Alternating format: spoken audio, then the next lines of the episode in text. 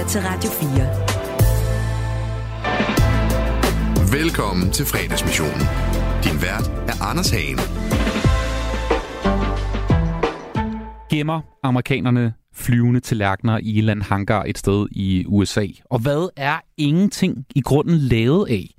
Det er to spørgsmål, du nok ikke lige har stillet dig selv sådan en fredag eftermiddag i dit liv, men øhm, ved du hvad, det, det gør vi altså i dagens udgave af Radio 4's åbne fredagsbar. Det vi kalder for fredagsmissionen, og øh, det er simpelthen en kæmpe fornøjelse at øh, invitere dig indenfor her hver evig eneste fredag i den her åbne fredagsbar. Og det er jo et program, hvor vi er lige så tørstige som en kamel, der har vandret gennem ørkenen i flere dage efter de der gode historier og gode anekdoter fra et rand af spændende gæster, som har meget på hjerte. Og i dag er det ingen undtagelse.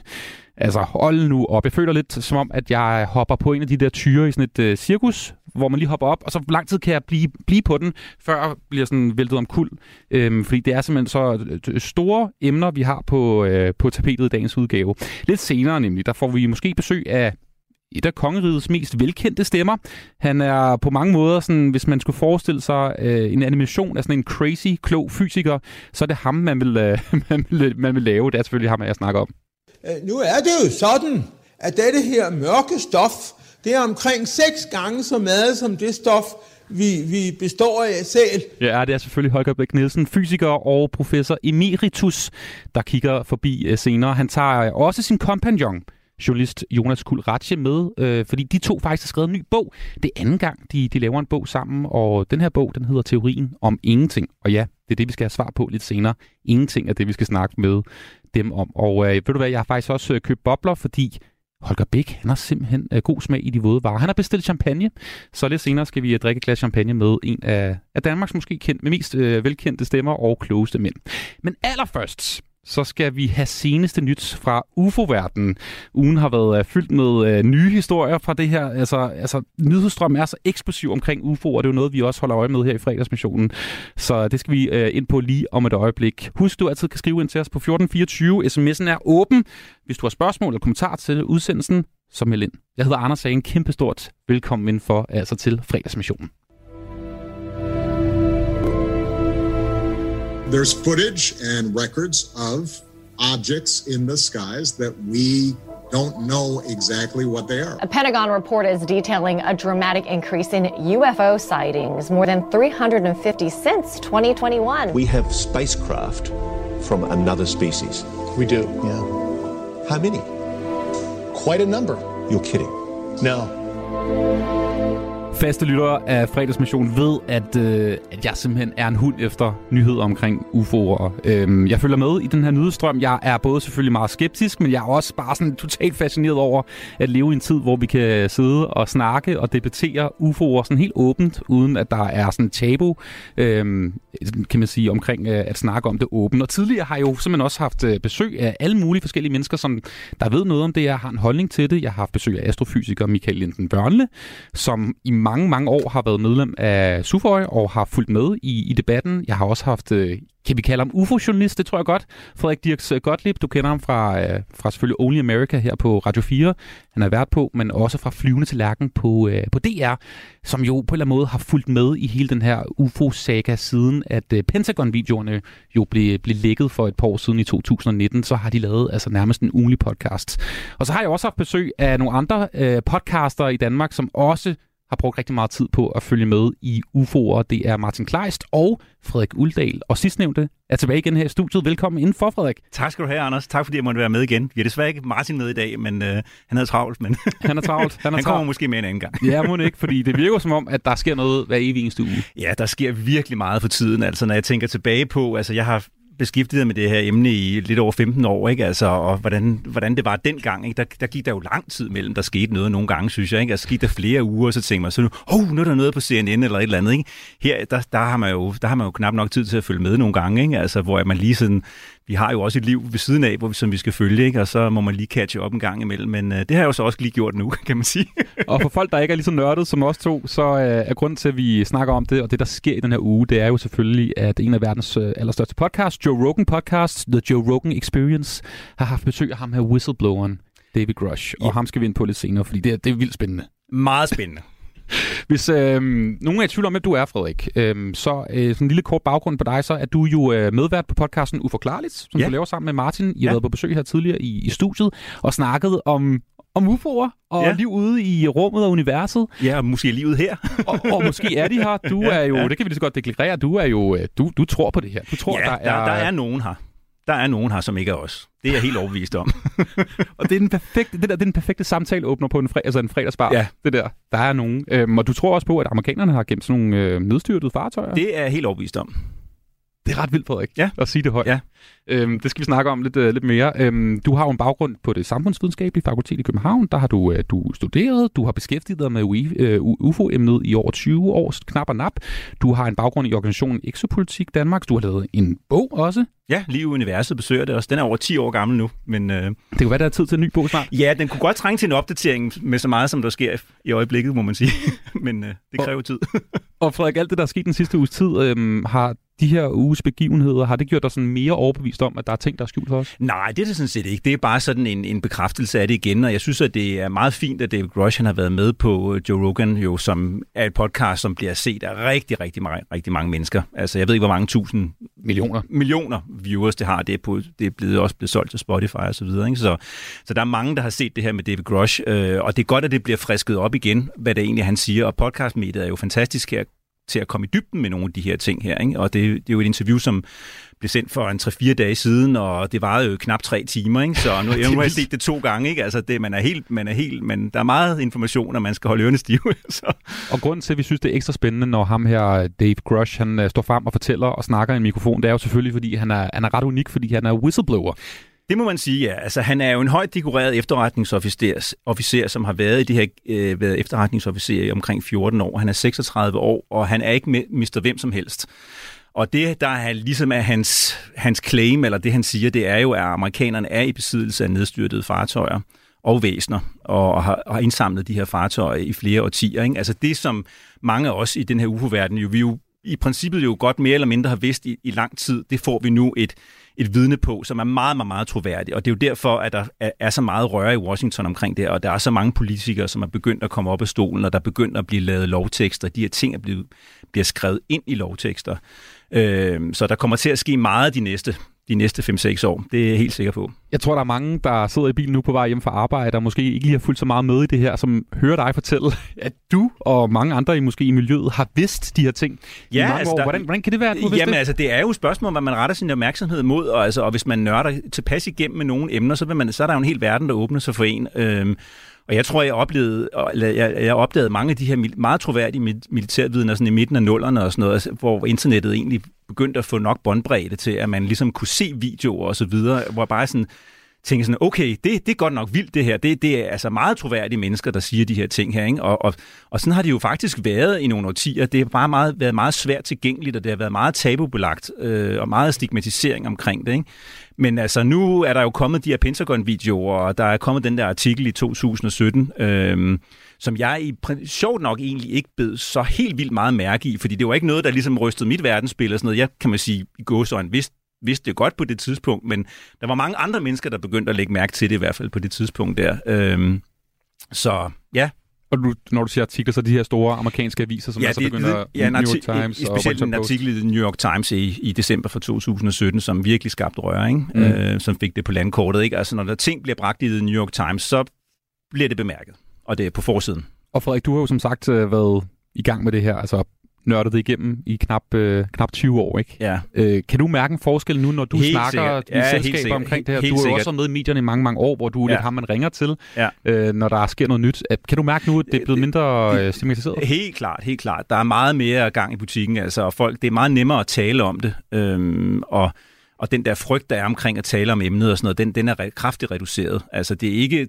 totalt mainstream endnu. Altså, her, herhjemme i Danmark, der har jeg, tror jeg, Flyvende Lærken har med Frederik Dirks, han har gjort et stort arbejde for ligesom at få det her mainstreamet, det her emne, ikke? og få, få en masse forskere med, og også få Anja Andersen med, og alle mulige forskellige forskere fra, øh, fra Danmark til at være med. Bare det, de medvirker af programmet, gør, at, at nu kan vi begynde at tale om det. Ikke fordi man behøver at, at drage nogle konklusioner omkring det. øh, men øh, ja, det, så det, det, det, er en stor, det er en stor social forandring, vi ser i de her år, og det kommer til at, at have en, en stor indvirkning på samfundet også igennem de næste 10 år. Det der er jeg ikke et sekund i tvivl om. Det er cutting edge, det her. Jamen, det, jeg synes stadig, det er vildt at sidde og høre på nogen sige noget altså højt omkring det her Ja, på den måde, ja. og, være sådan, og lyde overbevisende omkring det. Ja, Fordi det er også du, meget du, du, du ser jo helt normal ud for Ja, at der ja, var ja, story. ja, det, prøver, det prøver jeg da også at gøre. jeg har strøget min skjorte i dag og sådan noget. Så. Men altså, det var meget angstprovokerende at stå frem for, for i 2012, kan jeg var på morgen, Godmorgen Danmark. Ikke? Der, der, var, der var virkelig nerver på. Ikke? Altså, Hvad var du bange for? Jamen altså, for, for, for, folk synes, jeg var skør, ikke? Altså, jeg stod og snakkede om, blandt andet om uh, bortførelse og alle mulige forskellige ting, ikke? Altså, på, på, på landsdækkende tv. Det, øh, det er da mega angstprovokerende. Så, så, og, og, og mange af de her vidner, som jo så står i kulissen, som vi hører i øjeblikket, altså David Grosh, han er jo ikke det eneste vidne, eller, eller hvad man kan sige, han er ikke et vidne, kan man sige. Han, er sådan, han, han fortæller jo princippet, hvad alle mulige andre har sagt til ham, al den anden information. Men det mange af de her vidner, som jo er førstehåndsvidner, som har, har, har gået til Inspector General, altså den her tilsynsførende myndighed, og til de her kongresmedlemmer, ikke? at de er jo bange for at komme og stille sig frem, fordi de er bange for deres karriere og, og bange for, for deres familie og så videre, at der skal, at der skal ske dem noget. Ikke? Altså, øh, så den her whistleblower protection, som man laver nu omkring det her, øh, i, putter ind i lovtekst og sådan noget, den er utrolig vigtig for, at vi kan få de her ting frem. Ja. Lad os uh, prøve at dykke ned i uh, den gode Dave Grush og det interview, han altså er lavet med uh, Joe Rogan i en af verdens største podcast. En, et afsnit, der er næsten tre timer langt, som du siger. Så jeg tænker også, for dem, der måske ikke lige Ja. har, har tid, eller måske lige gerne lige kunne tænke, tænke sig at høre, hvad en, uh, en mand, der har fulgt med i den her, uh, den her historie i mange, mange år, synes om. Det synes jeg lige, vi skal, skal dykke ned i altså Dave Grush-interviewet lige nu. Du lytter til fredagsmissionen på Radio 4. Are we alone? Well, the answer is we're not alone. And I know that with 100% certainty, which as an intel officer, you never say 100%, but all things pointed towards, uh, based on the people I talked to, like Harry Reid, and I use him as an example, but I talked to the highest of the high people you could possibly talk to, if you catch my drift. So, unless all of them are lying and they're covering up something else, which I don't even know what it would be at this point, because the phenomenon is real. It's been going on for thousands of years. People have been seeing strange things, and not everybody's mass hallucinating.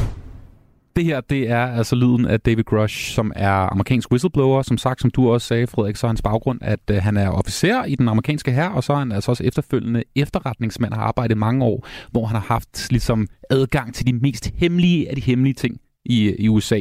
Og han påstår jo vilde ting, Frederik. Det må man sige, ja. Ingen ting det der med, at han siger, at vi, øh, at vi ikke er alene. Det har du jo også lige sagt. Ja. Så påstår han jo også, at han har snakket med mennesker, der har set flyvende tallerkener, lad os bare kalde det det. Så folk. Arbejdet med dem, ja. Og arbejdet med Ja, dem. lige præcis. Rørt ved dem. Alle de der ting. Og også, at der var piloter i de her nedstyrtede fartøjer, som altså ikke har jordisk oprindelse. Det er jo nogle helt sindssyge ting, Ja. den her mand, han øh, påstår. Og han har jo stået foran øh, altså i senatet, det amerikanske kongres, og under ed sagt Ja. de her ting. Lige præcis. Han har været med i en, en, en, en høring der, i, jeg tror det var den 26. juli i år, hvor han jo under ed har, har fortalt de her ting. Han har ikke fortalt detaljerne i det, fordi det er det, han siger, han kan gøre en såkaldt skiff, som er sådan, et, øh, en, sådan en lukket enhed, hvor man kan, som er kun folk, som har en høj security clearance, kan være i, hvor der ikke er nogen mobiltelefoner og så videre. Ikke?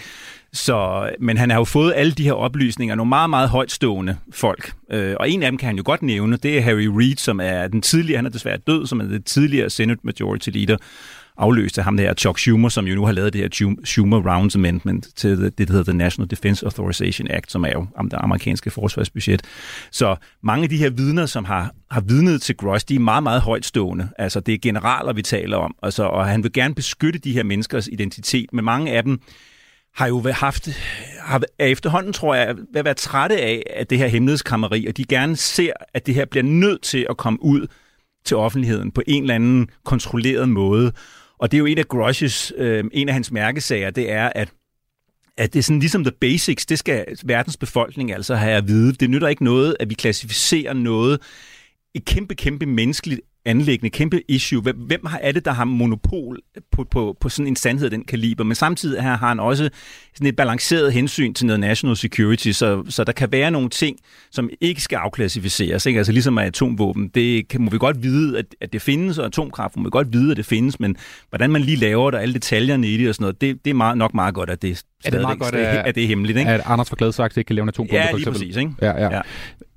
Er, er der nogle andre vigtige ting, som øh, vi har fået at vide om David Grush, siden han har stået frem? Han stod jo frem i foråret. Øhm, Jamen altså, jeg synes i også... interview med Ross Coulthard, en australsk journalist. Øh, hvad, hvad, hvad, er der noget nyt, vi ligesom ved om ham nu? Nej, ikke så meget, kan man sige. Det, det som jeg, en af de ting, jeg hæftede mig lidt ved, som jeg synes var, var nyt i det her interview, det er, at han jo nævner de her med de her væsener her at der er nok flere typer af dem, ikke? Altså, hvor han tidligere måske bare har snakket om non-human intelligence, så er der, lægger han op til, at der er flere slags Racer, af dem. Ja, eller? ja, i hvert fald flere morfologier, flere former og fysiologier af de her, ikke? Og, men hvor mange der er og sådan noget, det, det, ved, det ved han ikke. Vi, vi kan tage et klip her fra Hvis du har det Joe, klip, ja, det Joe. Rogan podcast. Yes.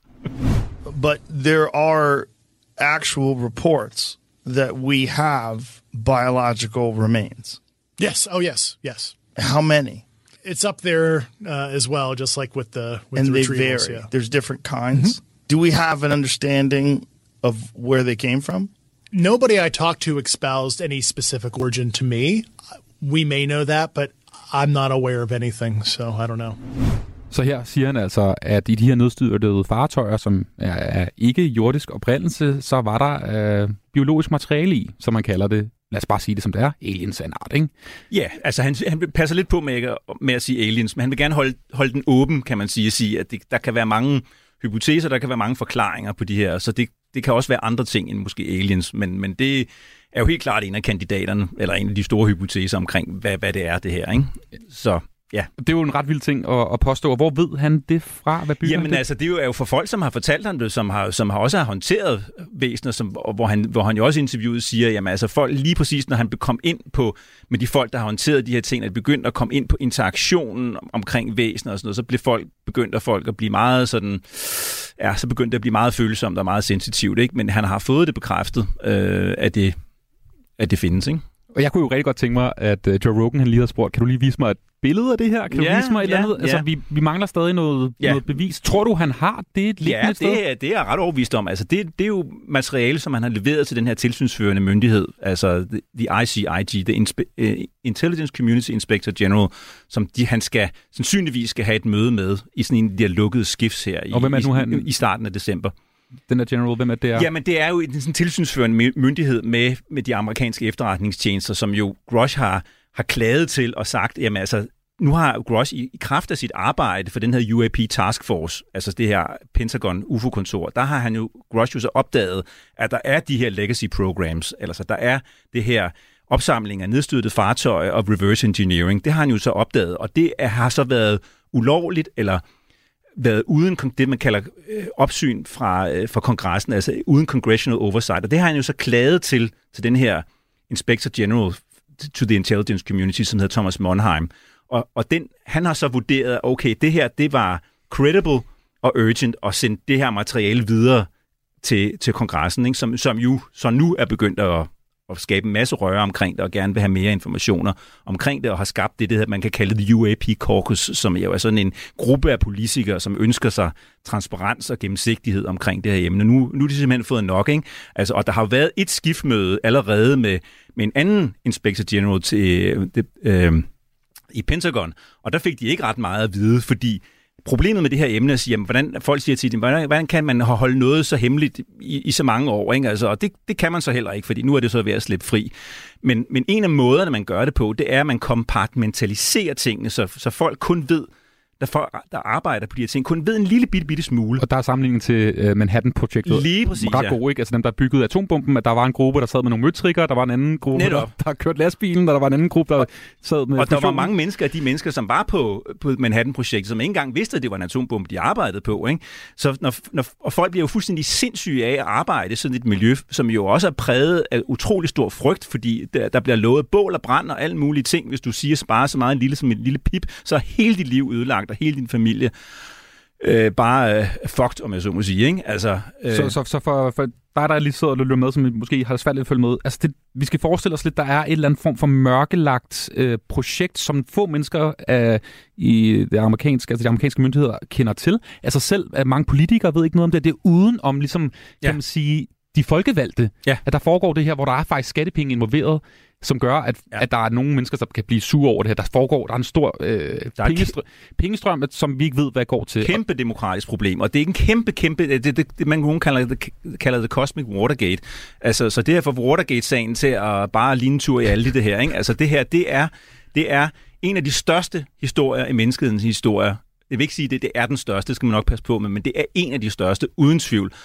Og jeg, jeg ønsker bare, at der er flere politikere rundt omkring i verden, og journalister og videnskabsfolk, som begynder at interessere sig for det her, for det kommer til at blive stort. Og, Og det, og det er, er det jo allerede ved at blive, ikke? Og Frederik, når du siger det der reverse engineering, så er det altså, at de her angiveligt nedstyrtede fartøjer, som Grosjean altså siger øh, og påstår, at øh, de amerikanske myndigheder, eller hvem det nu er, der har, har et eller andet sted opmagasineret. Det reverse engineering betyder altså, at der er nogle øh, videnskabsfolk af en art, der er inde og pille ved det og prøve at finde ud af, om man kan genskabe det, eller lave, bruge noget teknologi, så vi ligesom kan måske lave en flyvende tallerken, som de har fløjet i. Lige præcis. Altså, det svarer lidt til, at vi rejste tilbage i tiden og gav en eller anden sten eller mand en lommeregner, ikke? Altså, og, og, og for at se, jamen, altså, kan han eller hun finde ud af at, at bygge noget tilsvarende, ikke? Altså, og hvor langt de er nået med det, det må guderne jo vide, ikke? Altså, der er jo nogen, der siger, at det er lykkes, det er lykkes dem i et eller andet omfang at producere et eller andet, ikke? Men, men altså, det er, jo, det er jo klart, at den her teknologi, hvorfor er det, er det, skal den gøres til våben, eller hvorfor skal den holdes af nogle meget, meget, meget få snævre interesser. Hvorfor er det ikke noget, der skal ud i, i offentligheden? Ikke? Og det er jo også noget af det, som Grosjean jo også gerne ser jo, det kan man sige, det er jo, at, at en af tingene er måske, at de måske er, er låst fast i den her udvikling af de her ting. De gør ikke nok fremskridt omkring det, fordi der er den, alt det her hemmelighedskrammeri og den her øh, hemmeligholdelse omkring det, så man kan ikke, man, det er meget svært at rekruttere folk ikke, til, til det her. Ikke? Altså en, der lige kommer ud fra, fra en, en, en uddannelse på universitetet, går man så ud og siger, jamen du kan arbejde på noget virkelig, virkelig fedt her. Vi vil ikke fortælle dig, hvad det er, før du underskriver alle de her papirer her. Ikke? Og så øh, er, der, er din, ligesom din karriere bare låst ind i de der spor der. Du, skal ikke, du kan ikke udgive nogle artikler, og du kan ikke gøre noget som helst. Ikke? Så, så, Så, så det, er all the Holger Becks of the world er ikke nødvendigvis på projektet til Lige at finde ud præcis. af. Altså, vi skal have nogle, nogle mainstream-forskere med i det her. Og det, og det skal ud i nogle uddannelser, og det skal ud, ud i samfundet og arbejde på en eller anden kontrolleret måde. Det er det, det, jeg tror, at, at, at både Grosh gerne vil have, og mange andre også gerne vil have, at, det ligesom, at der bliver åbnet op for det her, og vi ligesom har sådan en eller anden forsoningsproces i vores samfund, hvor vi ligesom, der er en eller anden form for tilgivelse omkring de her, øh, alt, alt, det der, alt den kriminalitet, som det jo i virkeligheden er, der er foregået, ikke? Ordet disclosure går igen i øh, den her øh, UFO-verden, hvor øh, mennesker som dig sidder og snakker om, øh, om UFO'er og analyserer alle interviews som det her. Altså disclosure, det som vi vil på dansk kalde for afsløring. Ja, art. afsløring eller off- offentliggørelse, eller hvad man nu vil kalde det. Offentliggørelse og øh, disclosure i den her sammenhæng betyder så altså, at man påstår, at den amerikanske regering har noget gemt, som de er i gang med ligesom at offentliggøre for befolkningen. Ud fra betragtningen om, at vi måske ikke kan klare det, at det kommer på én gang. Ja, der er aliens, og de er og de går omkring os, og bla bla bla bla. Så lader man så sådan en, en kontrolleret offentliggørelse. Og det er han også inde på, David Grush, i øh, interviewet med Joe Rogan, som han har altså lavet for et par dage siden. Og lad os lige høre her nogle af de bekymringer, han kan have omkring den her disclosure, hvis det kan gå galt, for eksempel. you could have uh, uncontrolled disclosure events such that either maybe the non-human intelligence is like, yeah, let's do it, or what if one of our adversaries decides to disclose and they become the messiah? Frederik Uldal, hvad mener øh, Dave Grush her, altså med, at nogle af de amerikanske konkurrenter, altså er det så Kina eller Rusland, han snakker om her, eller hvad? Ja, altså der, der er jo, det som Grosjean jo også siger, det er, at der er faktisk været et våbenkapløb, et, et, et hemmeligt våbenkapløb, gennem, både gennem den kolde krig og helt op til i dag, fordi andre nationer har også indsamlet nogle af de her fartøjer. Så, så hvis vi amerikanerne ikke gør tilstrækkeligt meget fremskridt her, på grund af alt det her hemmelighedskrammeri og så videre, så kan det jo være, at der er nogle andre nationer, der lige pludselig gør et større fremskridt, fordi de arbejder på en anderledes måde. Så, så, så, så jeg tror, at Grosh han også, at det, at det ikke er det er ikke sikkert længere at have det her hemmelighedskrammeri. Vi bliver nødt til på en eller anden måde at åbne det en lille smule, så, så de kan måske kan få et forspring.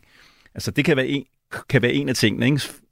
For det lader til, at der er andre nationer, som også har nogle reverse engineering-programmer, som ham her, Obersten Carl Nell, som jo støtter op omkring David Grush, han jo også nævner.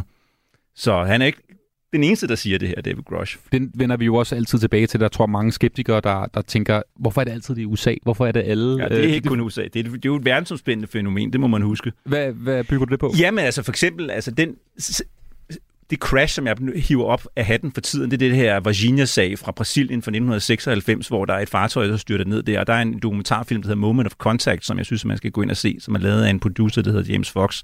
Og det er en meget, meget tankevækkende dokumentar med en nedstyrtning, der foregår i Brasilien, hvor amerikanerne en dag eller et par dage efter, eller så man lander med et fly uden tilladelse for de brasilianske myndigheder og snupper hele, hele møget og flyver det tilbage til USA. Ikke? Altså, hvis, der, hvis sådan noget det er foregået adskillige gange, ikke, så, så tænker man sådan, okay, det kan også være, at der er nogle af russerne og kineserne eller nogle andre nationer har noget, noget isenkram gennem begge et eller andet sted. Ikke? Så der har en eller anden, sådan, et eller andet skjult våbenkapløb om, hvem der, der kan reverse engineer det, det her på den bedste måde. Ikke? hvis din hjerne er ved at eksplodere, der er der sidder lidt med, så kan jeg godt forstå det, fordi hvis det er første gang, du hører det her, så kan jeg også godt forstå, at det er vildt. Altså, det lyder ja. helt, helt crazy, Jamen, at der altså, skal være nedstyrtet fartøj over hele verden, som regeringen holder hemmeligt. Det, det må også være en stor opgave, ikke? At skulle holde det hemmeligt for så mange mennesker. Ja, det, det, det kan man jo så sige, det er. Ikke? Men der er jo nogle mekanismer, som du også selv nævner, det der med den med mekanisme omkring øh, Manhattan-projektet. Det er ligesom den måde at holde ting hemmeligt på, og den er blevet lagt ned over det her issue lige, nærmest lige fra starten af. Ikke? Og så har det jo været, også været et emne, som der bare er så, det lyder jo bare så skørt det hele, ikke? Altså, så, så det har jo været meget nemt at sige, når altså, nå, det er jo bare en sølvpapirsat eller et eller andet, det er bare en konspirationsteori eller et eller andet, ikke? Men øh, det er en af, en af konspirationsteorierne, der er rigtig. Frederik, vi tager et klip til fra øh, Joe Rogan-podcasten, altså her med whistlebloweren øh, Dave Grush. Her øh, snakker han lidt videre omkring øh, Disclosure, hvor han altså også nævner, at han faktisk lige nu samarbejder med nogen fra øh, de amerikanske myndigheder omkring den her altså kontrollerede øh, offentliggørelse af ja, viden omkring øh, UFO'er. I think the governments were getting close. I think um, as we're long certainly as closer than yeah, we've ever been yeah, before. Yeah, just the fact that they brought you in to have these conversations. Yeah, no, I'm I'm still advising the U.S. government on this, and and and I'm trying to carefully message this, put all the broad things on the table. And I'm not trying to be coy. I'm not trying to be conceal anything, but it's like there's real national security and collateral damage uh, with just releasing this willy nilly. And I'm just trying to get the government to get a plan together here and, and just be open and honest with the people of the world, really. Frederik Uldal, jeg kan jo ikke lade være med at tænke på, hvis man lige øh, leger lidt med tankegangen her, om David Grush i virkeligheden er sat i verden af, fra de amerikanske myndigheder til at gå ud og fortælle om det her, fordi det er et led i hele den her tankegang om, at de er ved at kontrollere en offentliggørelse. Ja, indirekte kan man nok godt sige, det er det, ikke? fordi der er mange, der tror jeg, har brugt ham. Der er mange, der mange kræfter, der gerne vil have det her ud, og der bruger de David Grosh til at få de her informationer ud. Det er jo derfor, der er så mange mennesker, der er gået til ham, fordi det har været relativt risiko, relativt risikofrit for dem at gå til David Grosh og fortælle, at de har været trygge ved at gå til ham og så bliver han jo brugt på den måde. Men, men David Grosh er jo også et selvstændigt individ, og nu har han været med til at lave den her Soul, Soul Foundation, som jo er sådan en tænketank med, med en masse videnskabsfolk og nogle folk fra regeringsinstitutioner osv., som vil, vil have ud, det her ud i samfundet og prøve at, ligesom at rådgive en regeringsinstitution om, hvordan man ligesom skal håndtere det her fremadrettet. Og det kan være, at det er det, som uh, Grosh han, han, han, han nævner her. Uh, men det bliver spændende at se, hvad der er kommet fra den der konference. Det er ikke sådan helt offentliggjort endnu. Det, det prøvede jeg lige at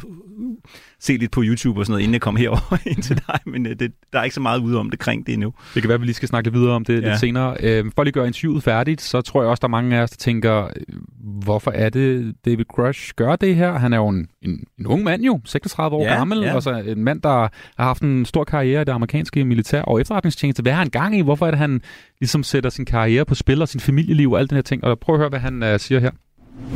Am I going to sit on my ass for 30, 40 years? I'm an old man. I look back like, ah, oh, I had that secret. I knew about it, but I didn't do anything. I didn't right. change.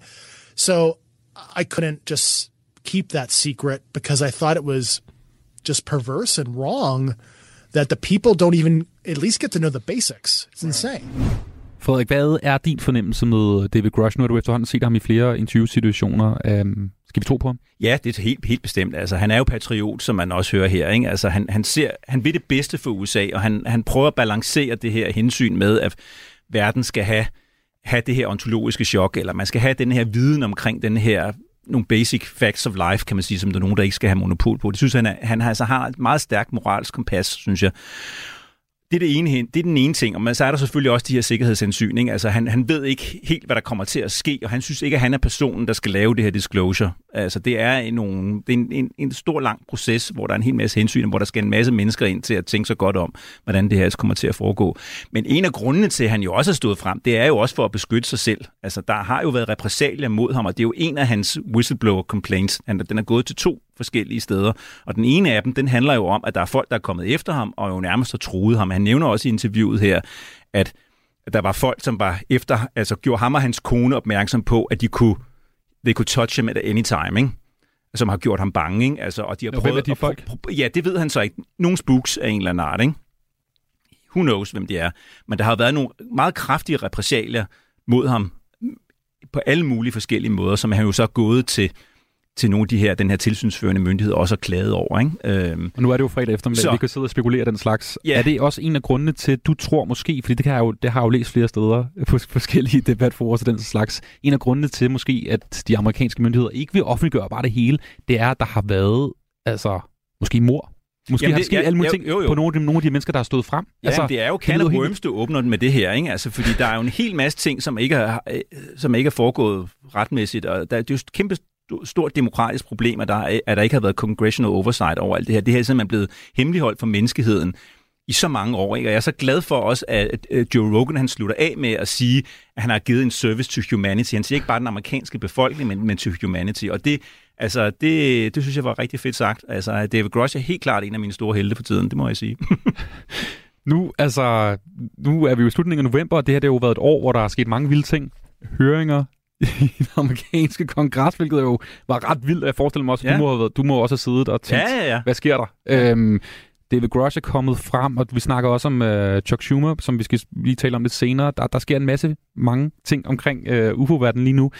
David Grush, er der noget, du kunne ønske, at, der, at han snart måske kunne fortælle lidt mere om? Altså, fordi nu har vi jo set ham i interviews, øh, og det her, der, der er jo ikke så meget nyt, han fortæller her i forhold Nej, til de andre. Altså, jeg, jeg håber jo bare, at han får lagt en masse informationer frem til i, i det her skiftmøde i, de, i december måned, og han kan få lov til at fortælle en masse ting til nogle af de her kongresmedlemmer, så de får endnu mere blod på tanden. Så og så får, må, vi, må vi jo se med det her øh, Schumer Rounds Amendment, når det bliver vedtaget, hvilket det jo nok gør, selvom der er nogle kræfter, som, som går imod det i, i huset. Men det bliver sådan forhåbentlig vedtaget. Hvad synes du om interviewet? Altså, det er jo nok et interview, mange, mange millioner mennesker verden over kommer til at lytte til. Det er en af verdens største podcasts. Nu har, de, øh, nu har han fået fat på uh, whistleblower om, over dem alle. Udover måske Edward Snowden, så har vi David Grush nu. Hvad, ja. hvad synes du om interviewet? Jamen, jeg synes, det var rigtig godt. Altså, jeg synes, at Joe Rogan, han øh, gjorde en god figur og stillede nogle, nogle, nogle korte, præcise, øh, stille og rolige spørgsmål til ham og tog det meget alvorligt. Og, og så var det bare fedt at komme i dybden med det. Altså, der var ikke voldsomt meget nyt i det for mig, kan man sige, men det er også, fordi jeg føler så meget med i det. Ikke? Øh, men jeg synes, at det er godt at få de her ting gentaget igen og igen og igen og igen. Du lytter til fredagsmissionen på Radio 4. Og vi har altså dejligt besøg af Frederik Gulddal, som jo er podcaster på, øh, på den podcast, der hedder Uforklarligt. Øh, den lidt mere løsslåbende udgave af Flyvende til Lærken, kan vi vel godt sige, hvor I, I giver nogle flere friheder til at spekulere og tænke åbent, ja, måske. Det, det kan man sige, ja. ja. Du har fulgt emnet i efterhånden mange, mange år, har skrevet en bog om det, og øh, følger også øh, debatten og alt, hvad der foregår på internettet omkring det her emne, som kan være altså uoverskueligt at følge med i. Der er altså hver evig eneste dag sker der noget nyt. Man skal holde tungen lige i munden i hvert fald. Der er meget at følge med i. Øh, før vi, øh, vi lader dig gå ud i weekendsluften, øh, Frederik, så er der lige to ting, jeg gerne lige vil høre om, som, som jeg ved, du også har, har fulgt med i, og som også kommer til at blive spændende her, øh, lige måske de kommende uger, måneder, dage, hvad ved vi, hvad der kommer til at ske. Øh, vi har været inde på ham her, Chuck Schumer, flere gange, øh, som er en ældre herre, øh, majority leader ja. i senatet, hvilket er en, altså en meget, meget høj øh, placering i amerikansk politik. Man kan vel nærmest sige, at han, han er vel ikke langt fra Joe Biden i forhold til magt og den slags, vel? Altså, det, han... det må man sige. Han er, han er en meget magtfuld person, en meget betydningsfuld person, og han er medlem af den her Gang of Eight, og han har jo så en security clearance, som, som er høj. Så han, han, er, han er privy til en masse klassificeret materiale, og han er jo også blevet præsenteret for mange af de her førstehåndsvidner, som Chuck, eller som øh, David Grosh er kommet med. Så han er fuldstændig, han, Chuck Schumer er ikke til kun i tvivl om, han ved, han ved en masse detaljer omkring det her. Og alt det her med Grosh her, det er jo for mig at se jo bare toppen af isbjerget. Der foregår en masse ting nede under overfladen. Øh, og hele det her Chuck Schumer, øh, det her Schumer Rounds Amendment, som er jo sådan en lov, lovtekst på over 60 sider, som sandsynligvis bliver vedtaget her i december måned, som er en del af det amerikanske forsvarsbudget for 24, The National Defense Authorization Act. Den her lovtekst, øh, Schumer Amendment, som også bliver kaldt UAP Disclosure Act 2023, den nævner jo non-human intelligence over 20 gange. Og den kræver jo så, at der er, bliver nedsat sådan et panel, øh, uh, the executive branch, på ni personer, som er sådan nogle eksperter, som skal være med til at, hvad skal man sige, offentliggøre en masse dokumenter, og fordi alle amerikanske regeringsinstitutioner sådan per definition, ligesom per default, skal offentliggøre deres, alt deres UFO-materiale, og hvis de ikke vil gøre det, så skal der være en rigtig, rigtig god grund til, hvorfor de ikke vil gøre det, og så er det noget, der skal genbesøges, den, det argument fremadrettet. Så, så det bliver rigtig, rigtig spændende at se, hvor meget materiale, der egentlig kommer ud i, i de næste år. Øh, så det er jo ligesom den her disclosure plan, der egentlig er snakket om. Og i øvrigt så har det her review-panel, det har jo så også en bemyndigelse til at stævne virksomheder og sige, jamen altså, okay, har Lockheed Martin, eller Boeing, eller Raytheon, eller EG&G, eller Northrop Grumman, eller for at nævne nogle af alle de her store amerikanske, øh, store amerikanske defense contractors, som sidder sidder med, med det her materiale i, i, nogle, i deres warehouses, ikke? at de simpelthen kan blive kaldt ind Altså, du siger, sidder med det her materiale, altså nedstyrtede... Ja, ja nedstyrtede fartøjer, reverse engineering, ikke? Og det, har, det, det, dem, du tror, der er Ja, det er det. det er, altså, der, er meget, altså, der er meget stærk spekulation omkring, at Lockheed Martin har, i hvert fald. Ikke? Det er i hvert fald en af dem. Okay. Ja, det, det, det er ikke noget, jeg kan sige med sikkerhed, men, men øh, jeg vil ikke være overrasket. Ja. Men den her... Øh, er det fordi, jeg, jeg, jeg synes, det, det, det er så vildt at høre det her. der er et stort amerikansk firma, der skulle ligge inde med. Og grunden til, at det så skulle for eksempel være Lockheed Martin, der lægger ind med det, det er jo noget med nogle regler også i forhold til, at de ikke behøver at fortælle. Ja. Der er noget snedigt i det. Ja, kan du prøve at altså, fortælle om det? Ja, men altså, det er jo fordi, der er jo det, der hedder The Freedom of Information Act i USA, det hedder FOIA, altså som er sådan en slags agtindsigt. Og det er, når man giver virksomhederne, hvis man siger, okay, nu er der et eller andet, der er styrtet ned, kan man, kan man nævne Roswell crash, for at nævne et eller andet, som, ja. som, som et crash, som de fleste mennesker sådan har hørt om. Ikke? Så, når, så giver vi det der materiale til en eller anden uh, defense contractor, værsgo, det kan I ligge og rode med. Ikke? Så er det ligesom ud af vores sender, og så når, hvis der er nogen, der sender en, en agtindsigt til den, øh, de amerikanske myndigheder, så kan sige, det, det, det ved vi ikke noget om. Det, det ved vi ikke noget om, det fordi, det, det er ejet af nogle private. Ja. Og, og det er jo klart altså, at, at at hvis der er nogle virksomheder, som er blevet begunstiget med det her, og nogle andre virksomheder, der ikke er, ikke? så fordi de der andre virksomheder, der siger, siger, hvad fanden, hvorfor fik de lov til det, hvorfor fik vi ikke lov til det, så kan man få, se en masse retssager foran sig og alt muligt. Ikke? Så Ja, men uh, Chuck Schumer, altså den her lovtekst, ændringsforslag, om man vil, uh, amendment, uh, det er ikke blevet stemt igennem endnu jo, og jeg ved jo, at der også er mange kræfter i, i blandt ja. de amerikanske politikere, der er imod det her faktisk, ikke? og lige ja. nu er der faktisk stor diskussion om, det kommer til at ske overhovedet. Ja, der, altså, der er, der, jamen, det tror jeg, det gør. Altså, der er to Mikes, en der hedder Mike Turner, og en der hedder Øh, hvad søren er det, han hedder? Han hedder Mike Rogers, hedder han, ja.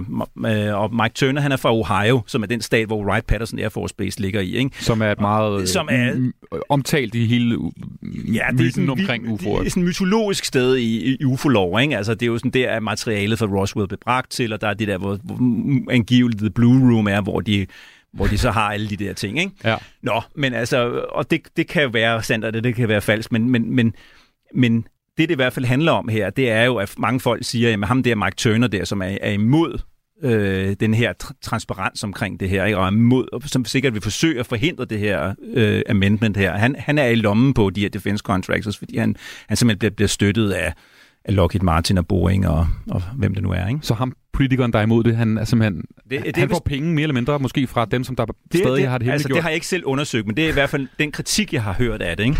Wow. Frederik Uldal, øh, jeg, jeg sidder her, og jeg følger med, og jeg er åben, og jeg, vil, jeg er nysgerrig på det her, fordi der er så absurd mange mennesker, der diskuterer det her på internettet. Der er mange, der følger med. Det er en stor, kan man sige, begivenhed, når der er en whistleblower, der står frem og fortæller de her ting, og har gjort det under ed.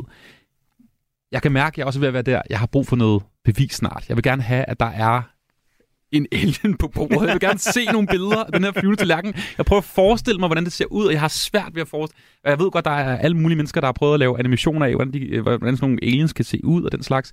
Hvad, hvad med dig selv? Altså, er du ikke også ved at være nu? Nu har du brugt snart jo, 20 år af dit liv på det her. Men det er jo derfor, jeg er så spændt på det her uh, amendment der, ikke? fordi det kræver jo, der, der kunne i princippet komme noget ud af det. Altså, der kunne, der kunne blive fremlagt noget, fordi man jo kræver, at virksomheder skal, skal lægge materiale frem. Det kræver, at, at, at, at amerikanske regeringsinstitutioner lægger materiale frem. Så det kan være, at det kan potentielt set komme i den forbindelse. Det er jo en, det er jo en, en, en lov, som kalder på det, kan man sige. Ikke?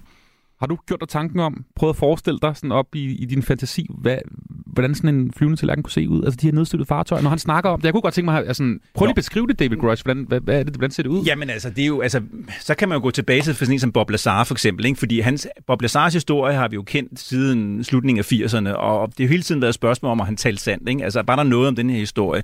Men set i lyset nu, Bob Lazar nu set i lyset af David Grushing, det, det, så tænker man sådan, Nå, okay, det, det, Bob Lazars historie lyder lige pludselig ikke helt så crazy længere, vel?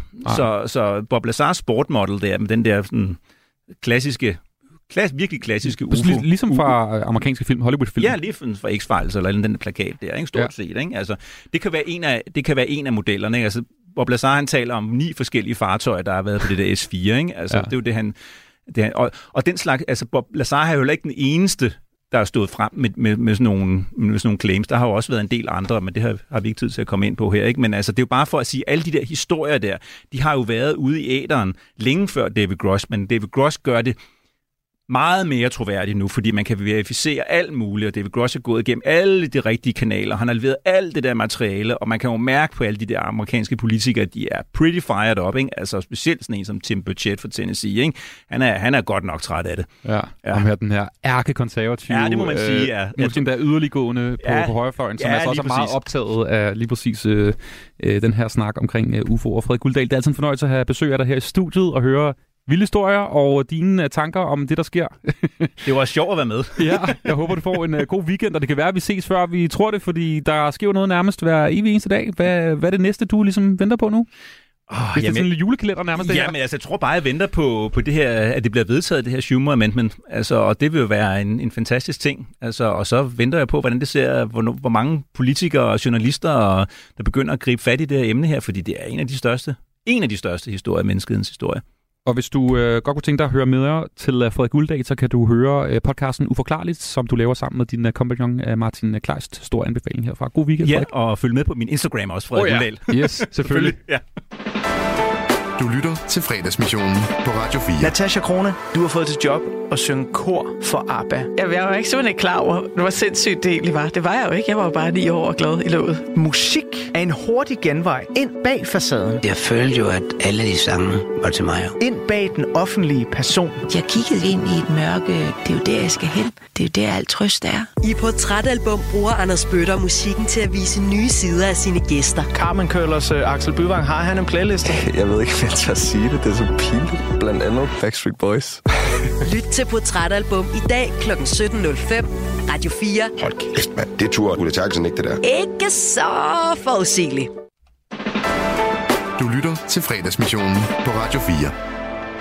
Og apropos rummet, øhm, så har vi jo faktisk en, øh, en dansker flyvende rundt op på ISS, op på rumstationen. Det tror jeg, de fleste af os godt ved. Han hedder jo Andreas Mogensen, og han har nu faktisk været på ISS siden slutningen af august. Og øh, han er jo faktisk ret meget med i medier den slags. Der har været mange programmer, hvor man kunne stille spørgsmål til ham øh, direkte. Og jeg jagter det også her i fredagsmissionen. Bare rolig. Så det kan være, det, det, sker en dag. Han er jo på øh, rumstationen i et godt stykke tid endnu. Øh, I onsdags her i øh, missionen på Radio 4 med øh, Tony Scott og Amalie Bremer, der øh, havde de faktisk et større emne omkring det der med at snakke med rummet. Fordi at i onsdags, der kunne øh, folk i Tivoli København stille Andreas Mogensen et spørgsmål, og i den forbindelse havde øh, missionen øh, her altså på kanalen besøg af Christina Tolbo, som er postdoc på DTU Space, for lige at høre, hvad er der egentlig sket op på ISS? Hvad har Andreas Mogensen lavet i de her efterhånden snart øh, tre måneder, han har, har fløjet rundt deroppe, og lad os høre, hvordan det lød.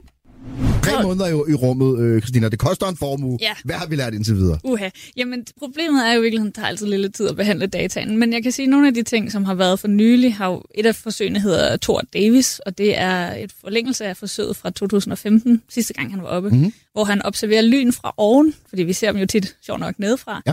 Men der går altså også lyn fra skyerne og op i den øvre atmosfære, Aha. som man så Ja. kan se ovenfra. Og der er alle mulige, øh, jeg havde lyst til at kalde dem fancy lyn, der er sådan noget, der hedder røde feer og alle mulige forskellige navne til, til alle mulige anderledes lyn, end vi er vant til at se. Okay. Og dem sidder han altså og tager billeder med. Han har fået sådan en kamera, der kan, der hedder et eventkamera, som kan tage, jeg tror det er 100.000 billeder i sekundet eller minuttet, det kan jeg ikke huske, men virkelig, virkelig mange billeder. Mm. Og, øh, og dermed ligesom følge hele, hvordan sådan en tordenlyn øh, udvikler sig. Og der har der også nogle øh, folk på jorden, der så skal tage billeder den anden vej, så man kan sammenligne data fra, fra jorden og fra, fra oven. Og der ved jeg, at han har fået nogle, nogle gode observationer, som så skal analyseres. Og også, at folk har været flinke til at hjælpe til fra jorden. Øh, altså almindelige børn og voksne, der tager Der billeder af få... Ja, ja, klart. Så, øh, så det er en af de ting, der sådan er ongoing. Og så har han jo nogle VR-briller ombord, som han er ved at teste ud, så han kan få sådan lidt social, øh, psykologisk velvære, har jeg lyst til at kalde det. Det er jo meget omkring også et forsøg om, hvordan er mennesket i rummet. Altså Mhm. mm-hmm. hvordan, hvis, især hvis vi skal sende os selv derud, længere ja. derud i fremtiden, hvordan kan vi så overleve rent mentalt i virkeligheden. Vi kan jo bygge maskiner, der kan få vores kroppe til at overleve, men det er vores psyke, der måske er det svageste punkt i sidste ende. Og der er faktisk en række forsøg omkring det søvn, øh, Vi havde lige motion. Saga med, Ja, ja, okay. øh, Marius fra Saga, ja. i tidligere på Så den der lampe, ja. Ja, præcis, som også skal simulere en, en jorddag i stedet for en, en, en ISS-dag. Ja, og så har han sådan noget wearables, altså han har nogle elektro, altså en, en, nærmest en pulsmåler, har jeg lyst til at sige, lidt mere fancy, som måler hans sådan fysiske velvære, og så har han en øreprop, der kan måle hans søvn. Så, fordi vi kan jo have forskellige opfattelser af, om vi har sovet godt, og så rent faktisk data om, vi har sovet godt. Ja. Altså, det hæng- hænger ikke nødvendigvis sammen, følelsen af det og den reelle søvn. Så, så der er det meste af det, vi får igen i forhold til det spørgsmål, som den unge pige stillede, er øh, medicinsk viden, altså hvad sker der med kroppen, fysiologien, mm. psykologien, i nogle betingelser, som accelererer, at det går ned ad bakke for kroppen. Altså ja. muskelsvind og knogleskørhed og kraft og synsbesvær, og alle de her ting øh, er der forskning i. Så det er også ting, vi faktisk kan bruge, Det meste i uden, virkeligheden. uden at, at skulle flytte til Mars. Ja, altså, men jeg, jeg vil sige, at ISS er øh, tre ting. Det er et politisk projekt, fordi det oprindeligt var for at samle øh, den kolde krig, efter den kolde krig og samle Rusland og USA. Men så er det også et øh, verdens største menneskelaboratorie. Så hmm. astronauterne er i virkeligheden forsøgsdyr i at være i rummet. Øhm, og det kommer også til gavn her på jorden, fordi det er medicinsk forskning, men også fordi de netop laver det, vi kalder jordobservation, og kigger nedad. Altså kigger på lyn fra oven, kigger på månen fra oven, kigger på skovene og iskapperne. Og alle de her observationer er, er os selv i virkeligheden. De er jo relativt kort væk fra jorden. Her var det altså Christina Tolbo, postdoc på DTU Space, altså der, hvor de forsker i rummet, som fortalte lidt om, hvad Andreas Mogensen egentlig havde øh, gang i op på ISS, hvad han har lavet siden slutningen af august, hvad alle pengene er gået til, som, øh, som Tony Scott spurgte, altså her i onsdagens udgave af Missionen. Du lytter til fredagsmissionen på Radio 4. Knud Melgaard, Transeuropa-magasinet. Og ikke en fredag, uden at vi lige øh, har en linje direkte til øh, Bohemen-lejligheden på øh, Indre Nørrebro i København. Til dig, Knud Melgaard. Glædelig fredag. Glædelig fredag til dig og lytterne. Knud Melgaard, hvad er en tur til, øh, til ISS? Tror du egentlig, du vil være klar på det? Nej, det, jeg, er bange, jeg er bange for højder og dybder. Så, så det, det, det, vil, det, vil jeg, det vil jeg aldrig ture. Men jeg, men jeg bliver en eller anden, øh, på en eller anden måde bliver jeg jo også lidt misundelig over, hvad er det, han hedder? An, an, an, Andre, hvad er det, han hedder? Andreas Mogensen? Andreas Mogensen. Jeg er jo også lidt misundelig et eller andet sted, fordi hvis man ikke er bange, og det er han jo tydeligvis ikke, så må det jo være, ja, det må jo være sådan en oplevelse for livet. Det er sådan lidt banalt udtryk, men jeg ved ikke rigtig, hvordan man ellers skal, skal sige det, vel? Altså, Eller en flugt fra, øh, fra, fra konen, kunne andre også mene. Og familielivet. Jo, men der kunne jeg, der kunne jeg godt uh, give ham nogle gode råd, uh, som kunne uh, klares hernede på jorden. Det er jo lidt langt at tage, ikke? Altså, Jo, jo. Så du virkelig havde hende meget. Jeg, jeg har bare tænkt på det, fordi han har jo uh, små børn og den slags, og det er jo, det er jo altså, jeg, jeg vil have svært ved at sælge den derhjemme. Øh, sødskat, jeg tager, lige, jeg tager lige ud i rummet, øh, halvt år måske, plus minus. Du kan kontakte mig om et halvt år. Altså, det er, det er alligevel vildt nok at sige derhjemme, men øh, ja. Jeg har læst, jeg har læst uh, Anders, øh, fordi jeg synes, det er spændende, at hans kone, eller kan jeg det jeg ved ikke, om de er gift, det er også sagen uvedkommende, men hun har vidst, hun har udtalt til, til, til pressen om, at hun vidste, hvad hun gik ind til. Hun vidste, at på et eller andet tidspunkt, så havnede han om bag månen, ikke? Øh, øh, så så, øh, så det, det kan ikke, han har ikke snydt hende ved at sige, øh, øh, jeg sidder i kassen i, i Netto nede på Nørrebrogade. Ej, det har han ikke påstået. Det har han nok ikke. Så vidt vi ved i hvert fald. Knud, vi må hellere kaste os over det. Der er jo uh, spørgsmål til dig i, i brevkassen. Som altid kan du melde ind med uh, dit spørgsmål, dit dilemma, eller kommentar, eller hvad du nu har lyst til uh, i uh, Knud uh, Melgaards brevkasse. Det er 1424, du uh, skriver ind til. Og vi har et par, par spørgsmål til dig, uh, Knud. Sidste gang vi ringede til dig, der, var, der har du lige drukket et lille glas vin, husker jeg. Du var i godt selskab. Ja, jeg var i rigtig godt selskab, ja. Okay, ja. ja. Jeg også, nu, nu har vi kun spist flødeskumskager og drukket kaffe. Okay. Jeg, skal... jeg har nemlig brug for 100% øh, opmærksomhed her, for der er et, et, et dilemma her, for en gang skyld, fra øh, en, der kalder sig selv Laksen. Er du klar på det? Ja, så. Kære Knud, jeg er ansat i et øh, firma, det er sagen udvedkommende, hvad det er for et firma, men om, en, om et par uger, så skal vi til stor julefrokost. Og jeg holder jo faktisk meget af mit firmas julefrokoster, da der bliver gjort en del ud af det, og vi altid har det skide sjovt. Dog har jeg fået en ny leder, og til sommerfesten blev han alt, alt, alt for beruset. Han var over stregen i forhold til de ting, han sagde og råbte. Det var ikke sådan, han rørte ved nogen. Han var bare ubehagelig fuld. Og det værste var faktisk, at han ikke gik tidligt hjem, som jo ellers er det, vi plejer at gøre i det her firma, at ledere går tidligt hjem. Jeg groer derfor for den kommende julefrokost. Hvordan får jeg, eller vi, på, altså i afdelingen sagt til ham på en fin måde, at han skal skrue ned til julefrokosten. Bekymrende hilsner fra laksen. Hvad siger du til den her, Knud Melgaard? Jeg siger, at, øh, at laksen og, og, og, et, øh, og, og, en, og, og en mere, som, som har troværdighed i firmaet, at de skal opsøge ham på hans øh, kontor eller i, i ensomhed, og så skal de på en pæn og høflig måde gøre opmærksom på, at vi glæder os, øh, Paul, Bjarne, Per, eller hvad han nu hedder, vi glæder os sådan til den her, men vi synes lige, der var et par streger, du gik over til, til, til sommerfesten, eller hvad det nu var. Så, så vi, vil, vi vil gerne for vores allesammens skyld bede dig om at skrue lige en smule ned for, for charmen øh, til, til julefrokost, så alle bliver glade. Det, det er sådan mit, mit, mit uh, umiddelbare svar. Øh, det endnu kortere, det er, tag fat i ham, sig til ham på en pæn måde, at han skal lade være med. Han behøver ikke at tømme glasset, snapseglasset, hver gang der bliver sagt skål. Og slet ikke, hvis han har en chefstilling, så er det ligesom lidt utilstedeligt, havde han sagt. Så tag fat i ham og gør opmærksom på dit problem. Knud, du har jo været, øhm, du har været på arbejdsmarkedet i mange årtier efterhånden, og har en del erfaring, forestiller mig, med julefrokoster. Er det noget, du nogensinde har oplevet det her? Folk, der har været din chef eller et eller andet, eller måske dig selv, der har været øh, alt for stiv til julefrokoster? Nej, Altså, det, det, det, øh, jeg drikker mig øh, beruset i, i få menneskers øh, selskab. Jeg kommer af en restaurationsfamilie. Jeg har, har selv haft adskillige hoteller og restauranter. Jeg har set, hvor åndssvage folk bliver. Jeg er jo glad for, at de sidder og bruger en helvedes masse penge i min, i min øh, krogstue med, eller min restaurant eller sådan noget. Men, men det, jeg bryder mig ikke om at, at, at optræde til, til julefrokost. Og i øvrigt jeg har jo ikke kunnet undgå dem, når jeg skulle holde julefrokoster for, for mit øh, personale. Men, men, men jeg har hverken fotograferet nogen af, af, af pigerne uden trusser på fotokopimaskinen eller, eller noget lignende. Det synes jeg, øh, nej, det, det vil jeg ikke. Jeg opfører mig pænt, ja. til julefrokosten, så skal vi ikke tale om, hvordan jeg i øvrigt opfører Ej, jeg skulle lige til at sige det. Jeg skulle lige til at sige det. Øh, men lige her sidst, har du en god tommelfingerregel for, for, for lederne derude? Lederne bliver ledere, men de der folk, som der måske har et eller andet form for personaleansvar, er der en god tommelfingerregel nu, når julefrokosten ja. sæsonen starter? Hvornår går man hjem? Man, man forlader, man forlader øh, det kommer an på, hvor stort firmaet er. Der er en masse regler men, med, øh, om, om, om øh, hvad man bør gøre. Men jeg mener, at man som chef, stor eller lille, så bør man holde sig øh, i, øh, i baggrunden og lade, og lade personale feste, og hæve dit glas tit og tage et lille sip. Lad være med at drikke dig beruset i dit personals øh, åsyn.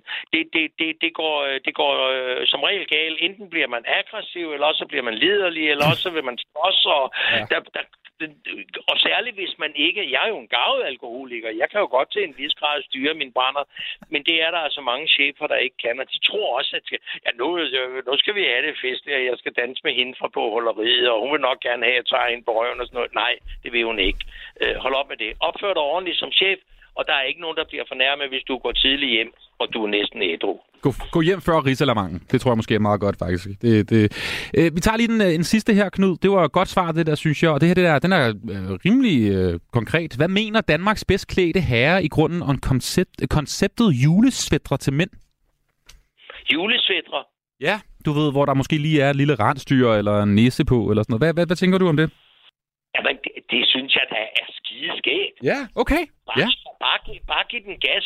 Altså, der er jo ikke nogen, der drømmer om, at jeg trækker en, en, en, øh, en julesvitters eller en øh, øh glade juletuborg-hat på ovenpå til et nulstribet habit. Men, men hvis jeg, som jeg øh, i går, hvor, hvor, hvor jeg var ude, det var nok ikke julefrå, men, men, men hvis nogen er kommet og har trukket en julesvitters ned over mig, jeg var i et par pæne, rene jeans og en højhalset sweaters, jamen selvfølgelig skal man da det, hvis man synes, det er sjovt. Jeg synes, de er rejsesfulde, men det er jul, og det er sol, og nu skal den skal have lidt gas her til jul. Så klæd dig bare ud og tage en sjov papnæs på og en, og en hat. Det, det, lad, tingene, lad, lad, lad, lad tingene udvikle sig, men lad være med at blive alt for fuld. Det var øh, det gode råd og det gode tip fra Knud Melgaard. Tusind tak, fordi vi måtte øh, ringe til dig og forstyrre dig igen, Melgaard. Og øh, god weekend, ikke? Ja, og i lige måde. Knud Melgaard, Transeuropa-magasinet. Som altid, så kan du melde ind med øh, spørgsmål til Knud Melgaards brevkasse på altså 1424 her på Radio 4. Lige om lidt, så får vi uh, mere besøg her i studiet af nogle utroligt kloge mennesker, så jeg, uh, jeg er lidt spændt. Lige om et øjeblik, så får vi besøg af chefredaktør på Illustreret Videnskab, han hedder Jonas Kulrachi, og professor gennem rigtig mange årtier på Niels, uh, Niels Bohr Instituttet, det er Holger Bæk Nielsen. Lige nu Du lytter til Radio 4. Velkommen til fredagsmissionen. Din vært er Anders Hagen. Prøv at tage et øh, lille kig omkring der, hvor du nu engang øh, sidder. Det kan være, du sidder i en bil. Der er et bilret selvfølgelig. Der er måske også en gearstang, der, der plejer der at være. Der er et vindue, der er et sæde. Hvis du sidder på en cykel, så er der et cykelstyr. Du har vanter på. Der er måske også en kaffekop der, hvor du sidder. Du har en hånd, du kan kigge på. Alt sammen er ting, der har det til fælles, at de er opbygget af atomer og molekyler. Vi inhalerer luft. Vi kan ikke se det, men det er faktisk også et stof, som er usynligt for vores øh, øjne, men meget målbart. Men det er faktisk ret unormalt, hvis vi kigger ud i øh, verdensrummet, det her med målbare ting, altså molekyler, atomer og den slags. Det er meget unormalt med så meget stof. Det meste af universet er faktisk lavet af ingenting. Og det er jo, altså, ens hjerne nedsmelter allerede en lille smule ved tanken om, ting, der er lavet af ingenting. Hvad er ingenting? Og det er det, det skal handle om nu. Vi skal faktisk snakke om ingenting i virkeligheden, fordi at øh, for nylig udgav to herrer en øh, ny bog, som undersøger, hvad ingenting er. Prøve at finde altså ud af, om vi kan forklare det på skrift, det her. Og dem skal vi hilse på lige om lidt. I hvert fald den ene af dem, fordi han sidder i studiet. og det er dig, øh, Jonas Kulratje. Velkommen til. Tak skal du have. Til fredagsmissionen for din, din kompagnon, ja. Holger Bæk. Han er her ikke nu. Fysikeren Holger Bæk Nielsen, han er på vej. Ja. Han er åbenbart lige blevet opholdt lidt i trafikken. Er det, er det normalt, han kommer for sent til, øh, til når, når I har haft øh, samtaler og den slags? Øhm, det er, altså, han er faktisk væsentligt bedre end sit rygte, øh, kunne man sige. Fordi jeg tror, at øh, Holger kan godt have sådan en fremtoning, at man tænker, at øh, det, jamen, det vil ikke være så unormalt, at han kommer for sent. Men, det, men han plejer faktisk at være... Øh, til tiden i hvert fald, når jeg mødes med ham. Så Jeg har nemlig hørt flere interviews og sådan, og har læst mig frem til, at han godt nogle gange kan være lidt øh, tidsdesorienteret, fordi han måske er meget optaget af de store spørgsmål. Ja, og, og, og, og tiden plejer han jo også nogle gange lidt at kalde en illusion, og det kan være, det er det, han... Øh... det vil jeg bruge næste gang. ja, til præcis. Nej, findes tiden? Man kan altid problematisere det. Han, han synes, der er flere pro- problematiske ting ved, ved tiden, så øh, lige præcis i dag er et af dem åbenbart lige at, at være her til den. Og du er jo en ung mand, sammenlignet med uh, Holger. Øhm, du hedder Jonas Kulrachi, hvis nogen er i tvivl, og uh, du er chefredaktør på Illustreret Videnskab. Du har haft en uh, baggrund som også chefredaktør for BT, og har lavet viser i mange år. Jeps. Og også uh, været meget interesseret i videnskab. Det er Ja. også derfor, du sidder nu på Illustreret Videnskab. Der er nok også flere, der kender din stemme fra uh, det, vi taler om. Ja, altså podcasten, det vi taler om, Mhm. ja, den har jeg været med i nogle år også. Ja. Hvornår mødte du Holger for første gang? Fordi jeg tænker umiddelbart, det... Jamen, det er jo egentlig Holger, der har drevet mig lidt i den her retning med videnskaben. Ja. Øhm, fordi jeg mødte ham, jamen nu er det jo snart 8-10 år siden. Øh, jeg skrev en e-mail til ham, om øh, vi skulle lave en bog. Og mit formål var egentlig bare at tale med Holger. Øh, og øh, jeg kunne ikke bare ringe og sige, skal vi bruge en masse tid på at tale om universet? Fordi det tror jeg, han... Øh, altså, egentlig kunne det godt være, han ville sige ja, men det tænkte jeg ikke, at han ville. Så øh, som journalist, så kan man jo foreslå, at vi kan jo arbejde på en bog, og på den måde får man jo automatisk øh, lov til at tale meget lang tid med den, man skal lave bogen sammen med. Mm. I det her tilfælde øh, Holger Bæk Nielsen om universet. Så det var egentlig mit primære mål, og så kom der så en bog ud af det. Altså efter øh, meget møje og besvær. Den udgav vi for øh, fire år siden. Den hed Teorien om alt. Øhm, og så øhm, siden dengang har vi sådan gået og småpuslet lidt med teorien om ingenting, som så er den bog, øh, vi har lavet nu her, som lige er, er udkommet. Og meget af virker det til kommunikation, dig og Holger har, er via e-mails. Øh, og det synes jeg på en eller anden måde er meget sjovt, det der med, at I sidder og på den måde skriver sammen. Ja. Øh, og jeg ved jo også, Holger, han har en helt særlig måde, han bruger sin computer på, ikke? Øh, ja, hvad tænker du på? Det der med ikoner og den slags, det går han ikke så meget op Nå, i. nej, altså øh, Æ, Ø og Å har han jo for eksempel slet ikke på sit tastatur. Så han, øh, jeg tror det er, fordi han kører med et internationalt øh, tastatur. Er det ikke også noget, man koder? Eller sådan, han, det kan vi selvfølgelig spørge om, Ja, når han det, kommer ind i det studiet kan du nu. sige. Han kommer lige præcis der. Hej Holger. Glædelig fredag, Holger Bæk Nielsen. Velkommen indenfor. Ja, tak. Og vi har faktisk også øh, champagne til dig, Holger. Jeg ved, at du, ah, øh, godt, det lyder godt. du har god smag i, øh, i, øh, i det, man kan drikke en fredag eftermiddag. Ja, jeg sagde, Ja. du måske gerne ville have nogle bobler, men måske kunne man sætte den stol lidt ned. Jo, men så- det bliver nok efter. Ja, ja, det er også fint. Lad os se, hvordan det går. Det er professor emeritus selvfølgelig i teoretisk højenergifysik, vi har fået ind i studiet nu. Det er Holger Bæk. Glædelig fredag. Ja, i lige måde. Hvordan har du det?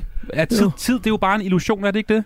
Jo, det er selvfølgelig rigtigt, at det er bare en illusion. Jeg prøvede at undskylde dig lidt med, det, kunne- det kunne du godt finde på at sige, at tid bare var en illusion. Så Ja, det var noget, øh, der står vist gengivet i bogen, at Einstein skriver det. Ja. Ved du, Om Einstein brugte han også det som undskyldning, hvis han kom for sent til et eller Ah, andet? det var mere undskyldning, fordi han, eller for at trøste sine, sin vens øh, forældre, da vennen var død. Aha, okay. Og så fortalte han jo det der med, at tiden og øh, fortid, fremtid og nutid er bare en illusion. Og så kan jeg jo ikke lade være med at tænke, Holger, fordi du er jo en, en moden herre efterhånden, 82 år gammel. Er, er, er, tid også, altså hvordan, hvordan har du det egentlig med det? Fordi 82 år er vel også noget, vi bare har konstrueret så? Altså år og den slags? Jo, det er det jo. Altså, det er jo sådan en måling, ikke sandt? Eller en beregning. Man har jo meget fine uger til den slags. Ja. føler, du dig, føler du dig som en på 82, Holger? Ej, I virkeligheden har jeg jo ikke været det før, så jeg ved ikke, hvordan man skal føle det. Holger, Men jeg du- lever der endnu. Det gør du, og vi er så glade for, at du er her øh, fredag eftermiddag, og vi har fået noget i glasene nu. Øhm, Holger, jeg har på en eller anden måde, det synes jeg også, jeg fornemmer i jeres bog, øh, du er jo en form for detektiv jo. Kan vi godt kalde dig det? Åh oh, ja, det kan man godt sige. Altså, at det der med at være forsker, det minder jo lidt om en, en detektiv, ikke sandt? Du er på Så jagt på efter- nogle af mine slides har jeg også samtidig hen- henvisning til Sherlock Holmes, fordi der, der er sådan mystiske ting, man skal have. For eksempel af, af, af, af det her sorte stof, vi talte om, at de ikke bliver set af, af vores øh, af, af acceleratorerne. Øh, det kunne være et tegn på, at den model, man har i acceleratorerne, var rigtig, og man ikke behøvede at søge en ny model. Mm. Men nu, nu skal vi måske mest snakke om det tomme rum. Det skal vi, blandt andet. Det er jo det, jeres øh, bog handler om. Men det der med at være detektiv, altså når, når Holger øh, betegner sig som detektiv, øh, så kan man sige, altså som, øh, som teoretisk højenergifysiker, som, som Holger jo er, der, er- der er jo mange af tingene, der er meget svære at måle, fordi det kræver utrolig høje energier.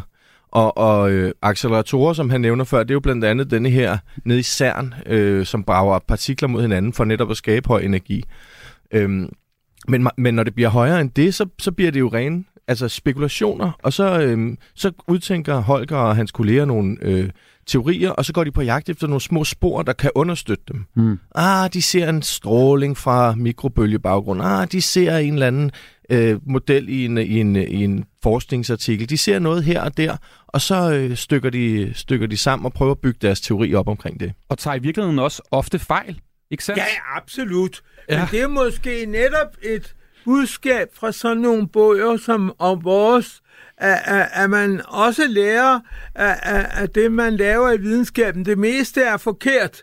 Ikke sandt? Men, men det, der jo kommer ud i, i, i de mest troværdige bøger osv., det er jo det, der er rigtigt. Men så kan man næsten komme til at give et fejl billede for dem, der mest læser den færdige forskning, at det er sådan noget, der er helt rigtigt. Men det er det jo slet ikke, når vi laver det. Så er det netop sandsynligvis forkert. Mm. Men så kan det jo være, at vi håber, det er rigtigt. Men det får man så først at vide i næste bog. Og det gør, det gør de jo også detektiver, når de prøver at opklare et mysterie, så tager de jo også fejl. Absolut. Ofte undervejs jo. Nej, de tror, det var butleren, men Ja. så var det i virkeligheden... Eller, det var, en, det var butleren, ja. men... Jonas, du har jo taget på en eller anden måde en forholdet for alle os, der ikke er fysikere og ikke har siddet og hørt øh, typer som Holger fortælle og stået op på tavlen med kridt i hånden og forklaret meget, meget komplekse ting. Du har taget en forholdet forstået på den måde, at du har jo siddet og har skrevet mails selvfølgelig og har mødtes med Holger og prøvet at sætte dig ind i ingenting. Ja. øhm, altså sådan, i sådan en TikTok-tid, hvor mange af os ikke kan koncentrere os mere end 30-40 sekunder ad gangen. Øh, hvordan har du gjort det her? Jamen, jeg er ikke så meget på TikTok. det er måske en forklaring. Det kan være, det er det. Jamen, øh, for mig er det jo selvfølgelig også super kompliceret. Øh, det Holger beskæftiger sig med er, er meget kompliceret, eller meget af det er i hvert fald meget kompliceret, så det kræver simpelthen bare lang tid. Så vi har talt sammen mange gange. Holger har været meget tålmodig med mig. Jeg optager øh, det meste af vores samtaler, så sætter jeg mig hjem og skriver det ud, og prøver at finde øh, hoved og hale i det. Øh, prøver at, at brygge nogle kapitler sammen, sender dem frem og tilbage. Holger har typisk en masse øh, input, kan vi kalde det. Man kan også kalde det rettelser. Øh, og så, så øh, i sådan en iterativ øh, proces kommer vi frem til noget, som, øh, som til sidst bliver en bog. Og jeg ved jo, at Holger, du kan godt lide udenomsnak, ikke? Er det ikke noget med, at øh, der er ofte i udenomsnakken, at der er, der er meget sandhed måske, og nogle af de ting, I, I debatterer omkring det? Det kan da jo godt være.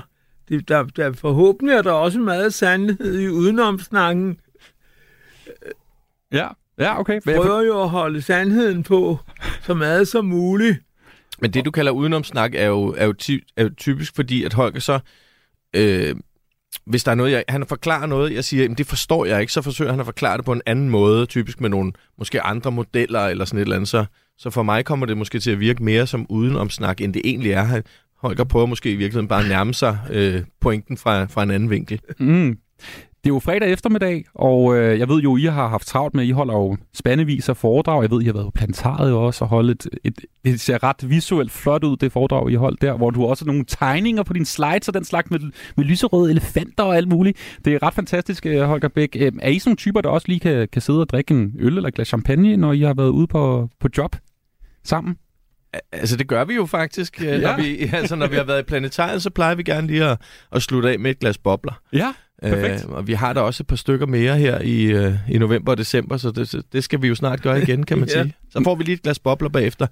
Øhm, derinde, der er det, der er det øhm, berammet sådan, at vi først taler, altså eller mest Holger, men jeg interviewer ham lidt, så stiller publikum øh, nogle spørgsmål, og så, øh, så signerer vi bøger bagefter, og der er mange, rigtig mange, der gerne vil have øh, Holgers signatur i bogen, også fordi han faktisk tegner nogle fuldstændig vidunderlige tegninger. Det har jeg set. Øh, så så når, det, når det så er overstået, det kan godt tage lidt tid, fordi han tager altså virkelig god tid til netop at tegne elefanter, eller kvantefelter, eller små perler af mørk stof, alt muligt.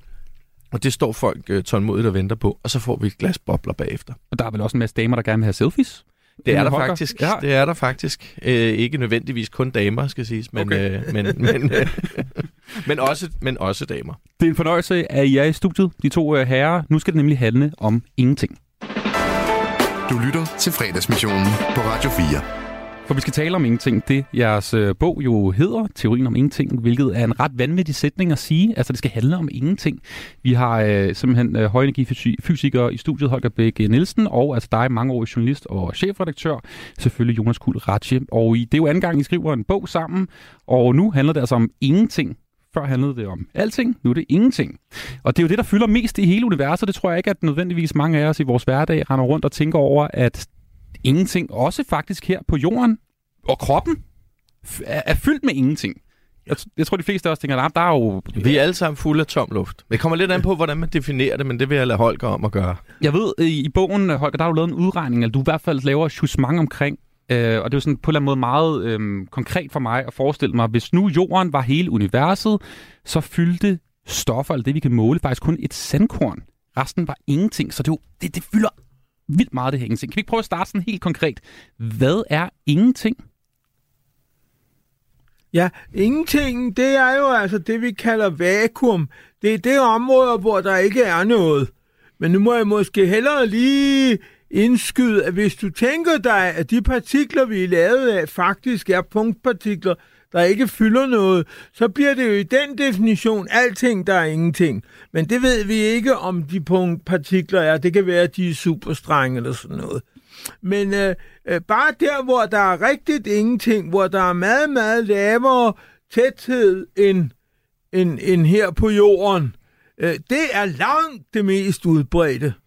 Der er ikke noget ude i rummet i virkeligheden? Nej, faktisk. I første omgang er der ingenting. Og der bliver endda mere og mere ingenting, ikke? fordi universet udvider sig, så, så ikke alene er der nærmest ingenting, der bliver mindre og mindre af det i forhold til resten. Så os, der er lavet af atomer, vi er jo faktisk en, en, truet, en truet art. Jeg ved ikke, om vi er en truet art, men ja, på sigt er vi jo nok, men, men, men vi er i hvert fald jo, det er sjældent i universet, at der er så meget stof, som der er her, hvor vi er.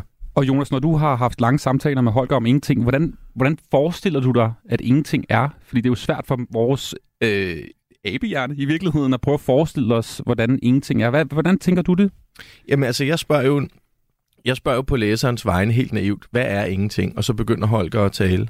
Og så begynder Holger at tale om, at ingenting i virkeligheden er øh, en masse kvantefelter, som der ikke svinger særlig meget der, hvor der ikke er noget, og de svinger lidt mere der, hvor der er noget. Øhm, og de her kvantefelter, de ligger så, der er mange af dem, de ligger overalt udstrakt i rummet. Og der, hvor vi så er, der, der svinger de lidt mere, end der, hvor vi ikke er.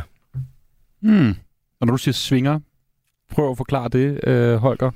Ja, altså det, det betyder faktisk også, at de sådan svinger lidt på en måde i tiden. Men det, der først og fremmest er det, de gør, det er, at de svinger som sådan en kvantefluktuation. Og det betyder, at de er i superposition, kalder man det. Det er et ord, der kun har mening i kvantemekanikken. Mm. Men de er flere i, i flere konfigurationer på én gang. Så det vil sige, når vi har disse felter for forskellige partikler, for eksempel er der et felt for Higgs-partiklen osv., så, øh, så er de i superposition af at have forskellige værdier øh, forskellige steder, og så det er en konfiguration, hvor de har en, en, en konfiguration forskellige steder. Så kan det være en anden konfiguration.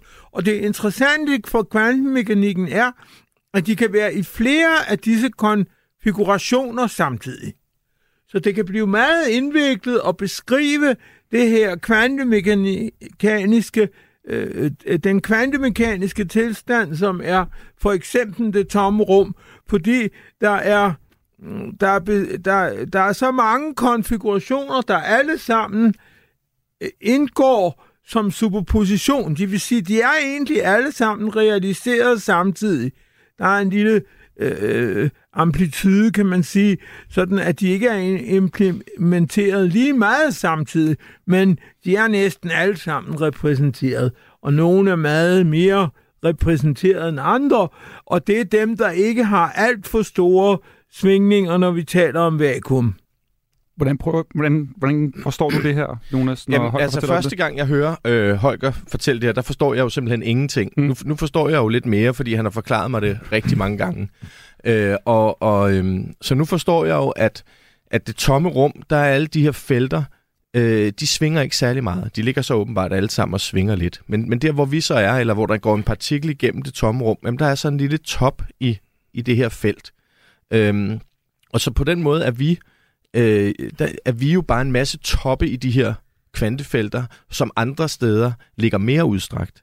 Øh, og det er sådan en helt ny måde øh, at for, for mig at forstå verden på. Øh, fordi jeg aldrig øh, nok i, i lighed med de fleste andre, nok også lytterne her, aldrig har gået tænkt så meget på kvantefelter, som jeg har gjort siden. Nej, det er ikke lige... Øh, jeg tror også, altså i grund til, fordi det er også svært sådan sansligt at forestille sig det, ja. hvis du aldrig nogensinde har, har læst om det her. Så er det svært at forestille sig, hvordan det ser ud. Ja, for de det... fleste af os, vi tænker jo tomt rum, der er bare ikke noget. Men, men det, som, det som, som, som modellen med kvantefelter betyder, det er, at der i virkeligheden, det kan godt være, der ikke er noget, men der er muligheden for, at alting kan opstå, hvis de her felter bringes i de rette svingninger. Mm.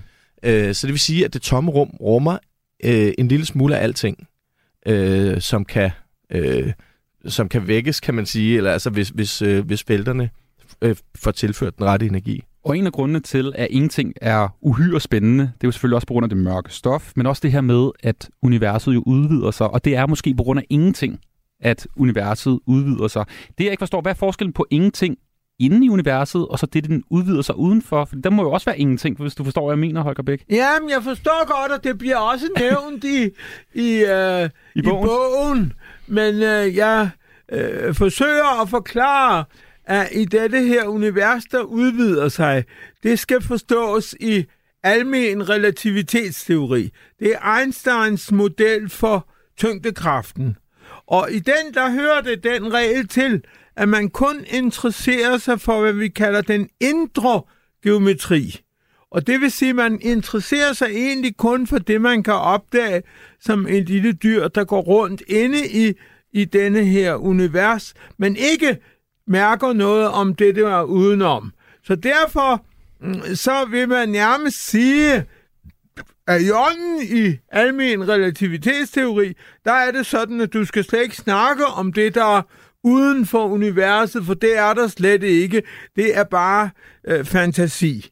Og så for at forvirre helt, så kan jeg selvfølgelig sige, at der er jo alligevel nogle teoretiske fysikere, der en gang imellem laver modeller og forestiller sig, hvordan det kunne være en indlejring af rummet i noget andet. Og i hvert fald er den indlejret i en såkaldt mangfoldighed. Men, øh, men det er så dem, der er for spekulative. Hvis vi gør sådan noget, og tænker os, den er indlejret i et eller andet mærkeligt, så, så er det os, der laver meget store spekulationer, som den almindelige, øh, fornuftige fysiker ikke vil tro på øh, i almindelighed. Ikke? Men altså, derfor, der, vi skal jo stadig finde på noget nyt, så det, det er sådan en, en mulighed for, hvad det kunne være. Men altså, det er, i, i første omgang er det noget, man ikke skal spørge om. Okay, ja, men så går vi videre. ja, så der er jo på en måde ingenting, men det er på en anden, det er en anden slags ingenting, end den, der er i det tomme rum herinde i vores univers i hvert fald. Ja, det, det er i hvert fald en anden slags ingenting, hvis det overhovedet er. Er der overhovedet, ikke? Jeg har en, øhm... Og hvis det ikke er der, så er det jo ingenting. Ja, så kan du sige, at det er ingenting. Nu skal vi over i definitionerne af, hvad ingenting betyder, ikke sandt? I har en øh, ret spændende passage, jeg prøver at gøre det meget relaterbart for, øh, for dem, der sidder og lytter med, omkring øh, det digitale, den digitale verden jo, som jo er 0 og 1-taller, hvor I også laver en sammenligning med ingenting. Kan du prøve at forklare lidt, øh, Jonas, hvad det går ud på, altså i forhold til vores telefoner, computere, jo, altså alt det, det, det, det er jo noget af det, jeg prøver sådan at, for at nærme mig det her ingenting, så prøver jeg jo at angribe det fra alle mulige forskellige vinkler og, og spille bold op af Holger. Og så kan man jo sige, at, at mens det er meget, meget vanskeligt at finde ingenting i vores, øh, i vores univers, netop af de her årsager med, at selv der, hvor der ikke er noget, der ligger kvantefelterne og svinger lidt, så kan man sige, rent matematisk har vi jo et nul. Og det er jo i hvert fald matematisk ingenting. Og så kan du sige, på den måde spiller ingenting jo en ret stor rolle, fordi hele vores digitale verden er bygget op af 0 og 1-taller. Øhm, så, så, så, så, så det matematiske 0, at det matematiske ingenting, er jo, er jo afgørende for, at vi kan sende sms'er, og vi kan sende radio og, og alt muligt andet. Fordi 0 er jo ingenting. Det er det jo i hvert fald i matematikken. hvordan, hvordan forestiller du dig, Holger, egentlig uh, ingenting? Fordi jeg ved jo, at, at, at hvis man skulle forestille sig, at man havde en kasse, hvor der var ingenting indeni, ja. så ville det jo faktisk tage rigtig, rigtig lang tid for at suge det hele ud. Hvis man, altså, det er jo meget, meget svært at finde det der ingenting der. Hvordan forestiller du dig det op i din hjerne, hvor du har brugt så mange år på at, at tænke jo, men store det er tanker? jo, altså, det er jo, øh, øh, det er jo rigtigt, at man skal... Altså, man, at, det, det er, man laver mange gange vakuum her på jorden, mm. øh, og, og, og det, det, det kræver, at man suger ud så kraftigt, som det nu skal være. Det lykkes aldrig 100 procent. Der bliver altid en lille smule molekyler eller noget tilbage. Altså hvis man havde en støvsuger, hvis man forestillede sig det, ja, der kunne ja, suge men ting selv ud. støvsugeren kan jo gøre det. Den er som regel ikke kraftig nok til, at det bliver noget alvorligt vakuum. Men der kan blive lavere tryk, så der kan blive lidt, øh, lidt mere tomt i det sted, hvor man har suget ud støvsugeren, end, end hvor man ikke har suget ud. Hvis vi forestiller os en kasse der, hvor vi så har suget alt ud, så der er næsten ingenting. Er, findes tid inde i det her, den her kasse her? Ja, man vil jo stadig sige, at der findes tid. Altså, der er stadigvæk en, en fysik, at der findes tid. Den Men kan ti- du ikke suge væk. Nej, den kan du ikke suge væk. Øh, Så, så tiden findes stadigvæk, og der er jo også stadig rummet. Det er jo derfor, det er et tomt rum. Så, så det er der stadigvæk. Det er bare, der ikke er, er, er ret mange molekyler og atomer tilbage. Men, men det er jo rigtigt forstået på den måde, at hvis man nu forestillede sig, at der var en kasse, der var helt tom, der var virkelig ingenting derinde, og du selv kom derind, så kunne det jo være svært i, i, i relativitetsteorien at vide, hvor, hvor hurtigt du bevæger dig, for du bevæger dig ikke i forhold til noget andet. Mm. Øh, andet, måske andet end kassens øh, øh, vægge eller sådan noget, ikke? Er det rigtigt? Øh, ja, det er jo netop, hvad jeg ville sige var et godt, øh, en, en god måde at skille, hvad der er tomt rum, fra hvad der er vand eller noget andet, man har fyldt op. At det er, at hvis man er i det tomme rum, og så er det selvfølgelig bedst at være i en rumkapsel eller noget, for ellers så eksploderer man lidt af den slags. Men så, så når rumskibet bevæger sig igennem, så kan man faktisk ikke, re- ikke registrere, om det bevæger sig. Det er relativitetsprincippet, som var meget vigtigt for Einsteins relativitetsteorier. Øh, øh, så der kan man ikke opdage det. Så det gælder sådan et relativitetsprincip, at denne her rumkapsel, den bliver bare ved at bevæge sig efter Newtons første lov med samme hastighed for altid. Og er man inde i den og ikke har nogen ting, man kigger på udenfor, der ikke bevæger sig, eller øh, per definition ikke bevæger sig, så kan man absolut ikke afgøre, hvor hurtigt man, man bevæger sig. Og der er ingen, det, det er virkelig umuligt. Mm. Øh, men hvis man derimod har et skib eller noget og sejler på vandet, så kan man jo godt opdage, hvad hastigheden er. Og hvis man venter lidt, så vil hastigheden typisk gå ned til at være den samme som vandet, det vil sige til 0, hvis man regner det som 0. Så der har man så været klar over, at dette her skib, det sejlede ikke i vakuum, men i, i, i noget, øh, noget vand for eksempel. Jonas, Udover det er fascinerende at være i selskab med, med Holger Bæk, hvorfor er det, du er fascineret af ingenting? Nu har vi prøvet at lave nogle nedslag her, men hvorfor er det, du er, er præcis optaget af det her? Jamen jeg tror, nu nævnte du selv det der ingenting, eller hvad vi andre prøver at kalde det, der kunne være uden for vores univers, eller mange nævner også, når, når Holger er ude, det er ingenting, altså i mangel af bedre ord, som der var før Big Bang, men det jeg Holger heller ikke for vild med at tale om før Big Bang, så derfor siger jeg det sådan lidt undskyldende. øh, men, men det er jo nogle af de ting, som, som hvis man tænker lidt over, hvad det er for et mærkeligt univers, vi bor i, så kommer man let til at tænke på ingenting. Og så, så var min, min vinkel egentlig bare at, at, at prøve at høre Holger, fordi jeg nu kendte ham fra den anden på, hvad, hvordan kan vi tale om de her ting, og hvordan skal vi forstå dem? Øh, fordi det her med, at der er en ende på vores fortid, hvor der ikke er noget før, er jo en mærkelig ting, og jeg tror, alle har tænkt den tanke. Øhm, så, så, så det er let at komme til at tænke på de her ting, hvis man er sådan lidt øh, filosofisk anlagt, men det, men det er svært at finde ud af, hvad, hvad det virkelig går ud på. Og jeg forestiller mig også, det spørgsmål, I får flest af, når I er ude og holde foredrag, det er vel, hvordan opstår det her, vi sidder og rører ved lige nu, ud af ingenting? Ja, men er det stå opstået ud af ingenting, altså? Hvad tror du? Øh, ja, altså, øh, nu, nu antyder Jonas allerede, at jeg var ikke så begejstret for den sædvanlige Big Bang-teori, men der er meget stærke argumenter for den. Mm. Og sagen er vel den, at hvis man har sådan en Big Bang-teori i det første øjeblik lige efter en singularitet der, så er det jo ikke rigtigt, at der ikke er ingenting, at der kun er ingenting, fordi øh, der er jo en frygtelig masse, altså i Big Bang singulariteten, der er en frygtelig masse stof normalt. Eller, altså, der er, øh, der er meget varmt, og så findes der nærmest alting, Øh, fordi du, du får... Så, så, så det er jo ikke rigtigt, at den er opstået af ingenting i den forstand. Du kan selvfølgelig påstå, at den er opstået af ingenting i den forstand, som øh, øh Jonas lige snakkede om, at der kunne være ingenting før øh, universet øh, startede. Øh, så på den måde, øh, så kunne den være opstået ud af ingenting, men den er jo ikke opstået ud af ingenting ved, at i denne Big Bang-teori, der var ingenting. Men nu er Big Bang-teorien ikke særlig godt underbygget. Nej, det er, så der er ingen, der rigtig ved, om den er rigtig. Det, der er underbygget, det er en inflationsperiode bagefter. Og så taler man om den såkaldte reheating, altså genopvarmning. Men om det er en genopvarmning, eller det er bare en opvarmning for første gang, det er jeg ikke så sikker på, øh, og det ved man i virkeligheden ikke.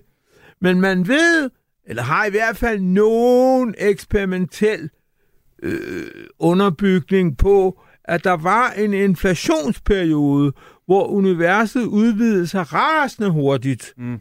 Hurtigere end i dag. Meget, meget hurtigere. Øh, og øh, i den øh, inflationsperiode, øh, der må jo næsten alt stof være blevet spredt. Uanset om der var noget eller ej, må det være blevet spredt væk. Øh, men så kom, at man, man tror, der var et inflationfelt.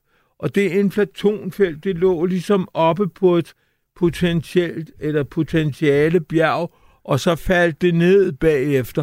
Og da det så falder ned, så bliver der produceret en masse stof, og så har vi ikke længere øh, denne her ingenting. I virkeligheden var det en lidt modificeret ingenting, vi havde, da inflationfeltet var der, så havde vi jo i hvert fald inflationfeltet.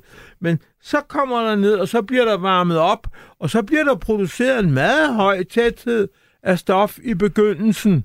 Men så har vi stadig en udvidelse, og så bliver det tyndet ud mere og mere, og nu er det blevet så tyndet ud, så det er kun i meget små lokale områder, vi har en masse stof tilbage.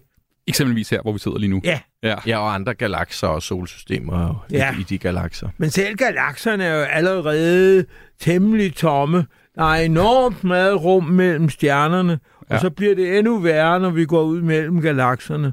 Ja. Jeg synes, det er lidt breaking news, det her med, at Holger Bæk ikke uh, tror på Big Bang.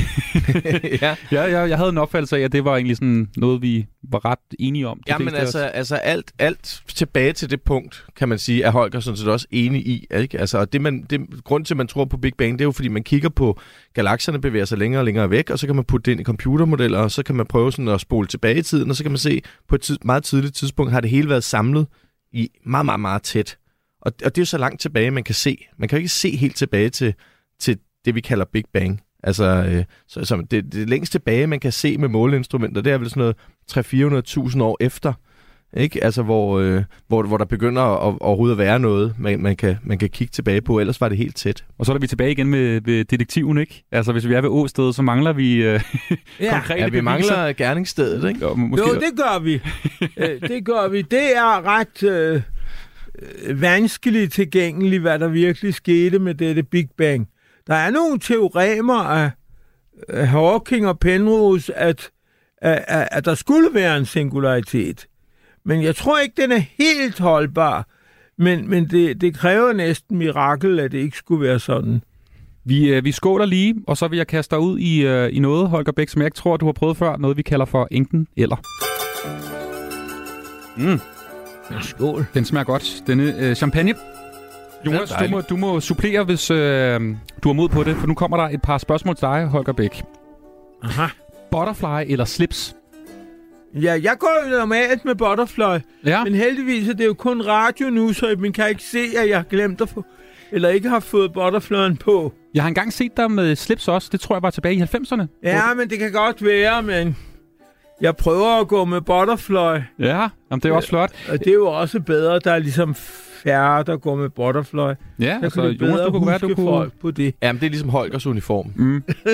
ja. Hvem vil du helst have en uh, time med lige nu, hvis du havde mulighed for det, og vi havde en tidsmaskine? Einstein eller Niels Bohr? Ah, det ved jeg ikke, men Niels Bohr var vist meget hyggelig. Han var jo han var meget mere social, og tror jeg nok, end, end Einstein. Han by, var jo i stand til at bygge sit institut og få folk til at gøre noget.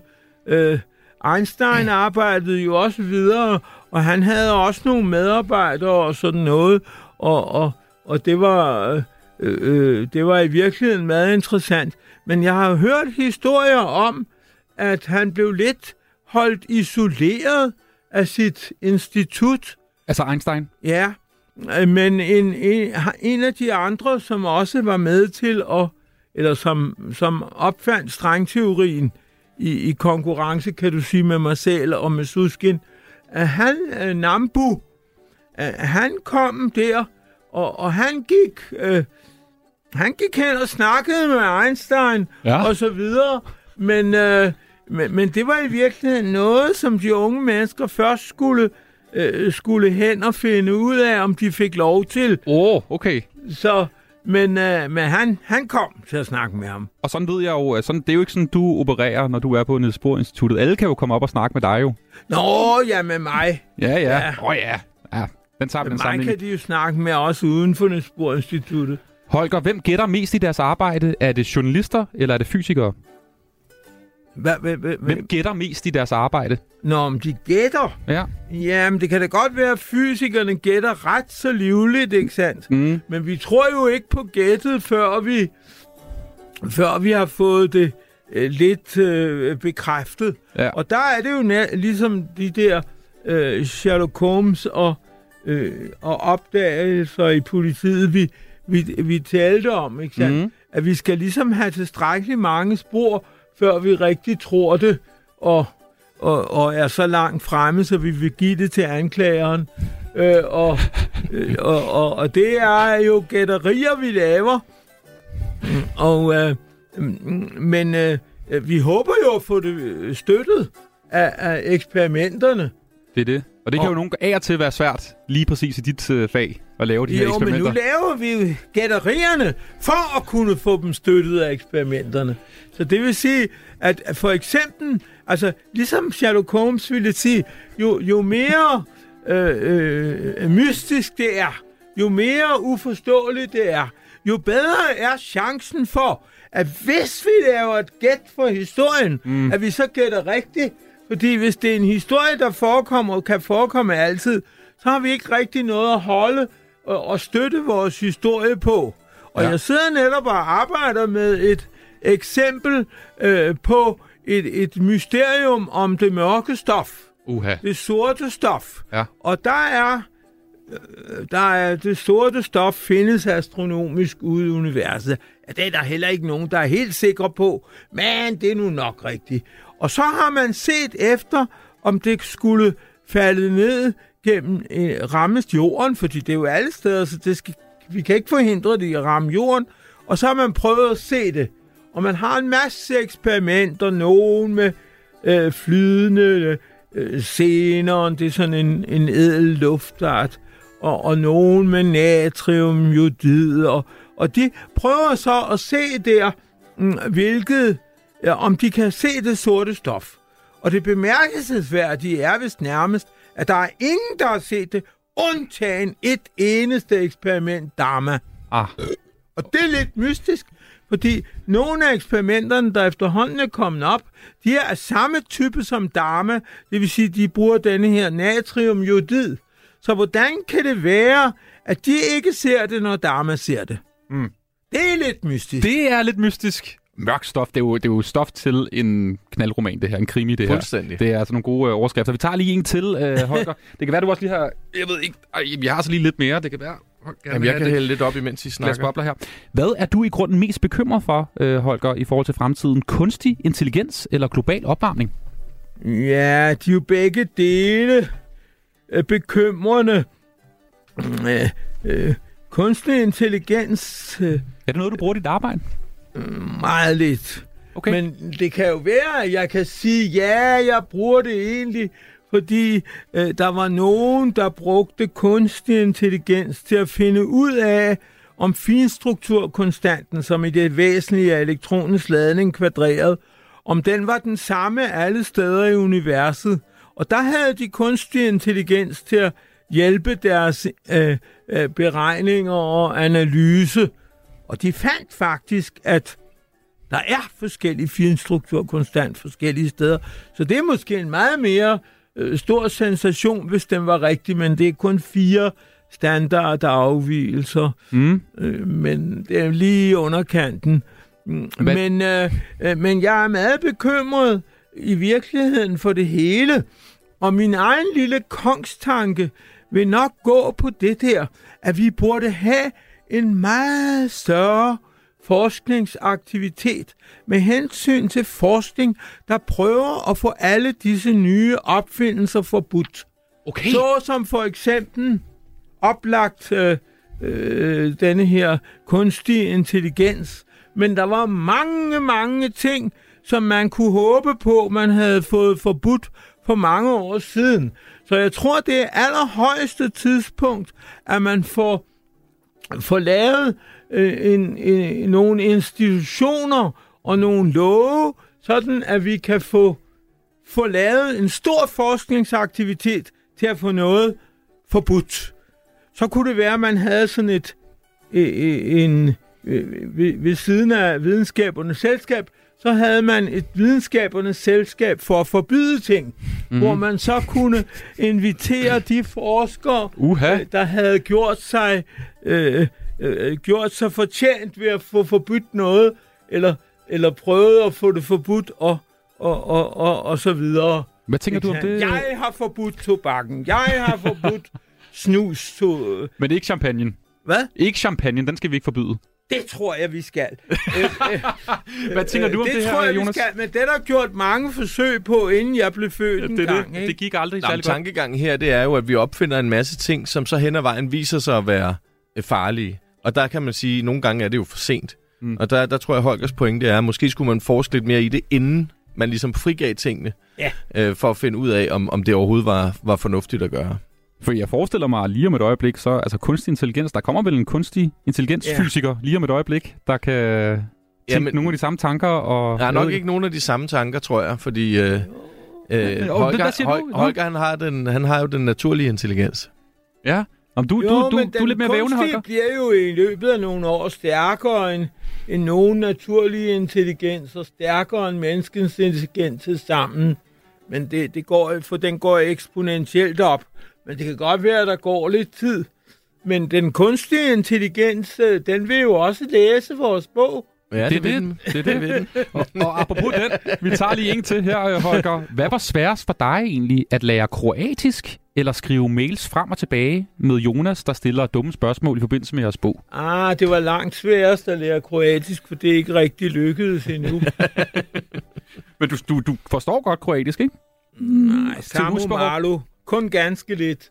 Okay, bevares. Du har en, øh, en kone, der er fra Kroatien. Ja. Ja. Det, Det synes jeg, det er ret blæret at kunne snakke kroatisk. Det er der ikke så mange, der kan. Øh, vi tager lige den aller sidste. Nu når du er i studiet, så bliver jeg nødt til at spørge dig. Hvad er du i grunden mest bange for kommer til at ske? En supernova eksplosion tæt på jorden, der gør, at vi bliver udslettet? Eller en asteroide, der rammer jorden?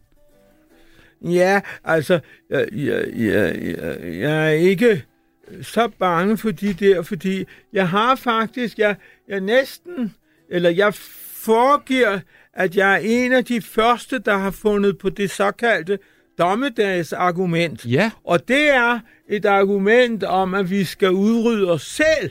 Der er et kolar, at menneskene skal udrydde sig selv. Så vores chance for at leve til der kommer en supernova, som skulle gøre det, men de, selv de mest lovende supernovaer, øh, øh der skal kunne komme og ødelægger sig vist for langt væk. Der er en betelgøse, som, som er en, en stjerne, der er ret tæt på os, men, men som kan, og som er i stadium, sådan at den engang vil komme i, mm, i supernova måske. Det ved jeg nu ikke engang. Det skal vi spørge astronomerne om. Men øh, det er, og der er jo også asteroider og sådan noget, der, der kan komme, men statistisk er det ikke så meget. Altså, jeg er bange for, at vi slår os selv ihjel mange år før, du der kommer de der. Så, så det skal nok ikke være så vigtigt. Nej, vi skal ikke løbe ned og Men købe det er dosemajs nu. rigtigt, at de der asteroider er vist nok sådan statistisk beregnet noget af det allermest farlige. Fordi hvis der kommer en tilstrækkelig stor asteroide, så er det en alvorlig øh, katastrofe, og så bliver antallet af dødsfald meget større end de øh, små krige, vi har. Ikke Men det kan vi jo tale med dinosaurerne om. Ja, de stakkels dinosaurer. Men i hen, med analogi med dinosaurerne, så er situationen jo den, at menneskehedens hver, øh, egen eksistens og aktivitet har allerede gjort en situation, der minder meget om dinosaurernes uheld med at... Og det var formodentlig en asteroide, øh, der fik øh, øh, dem til at uddø. Nu får vi dem til at uddø, fordi der er mennesker, der øh, der selv laver og uddør. Vi har, så, vi fået en, en farlig race blandt dyrene, mm. som, som er, er uheldig, ikke sandt? Og det er os selv. Og det er også selv, Det er jo ja. ikke så opmuntret et fredagsemne, men jeg ved jo, at du har, du har tidligere sagt, er det ikke noget med 1000 år, du har Jo, lavet sådan? jo, Ja. det er nemlig dette her dommedagsargument, som jeg påstår, og jeg gjorde i hvert fald uafhængigt af nogen andre. En af dem hed, hed faktisk godt.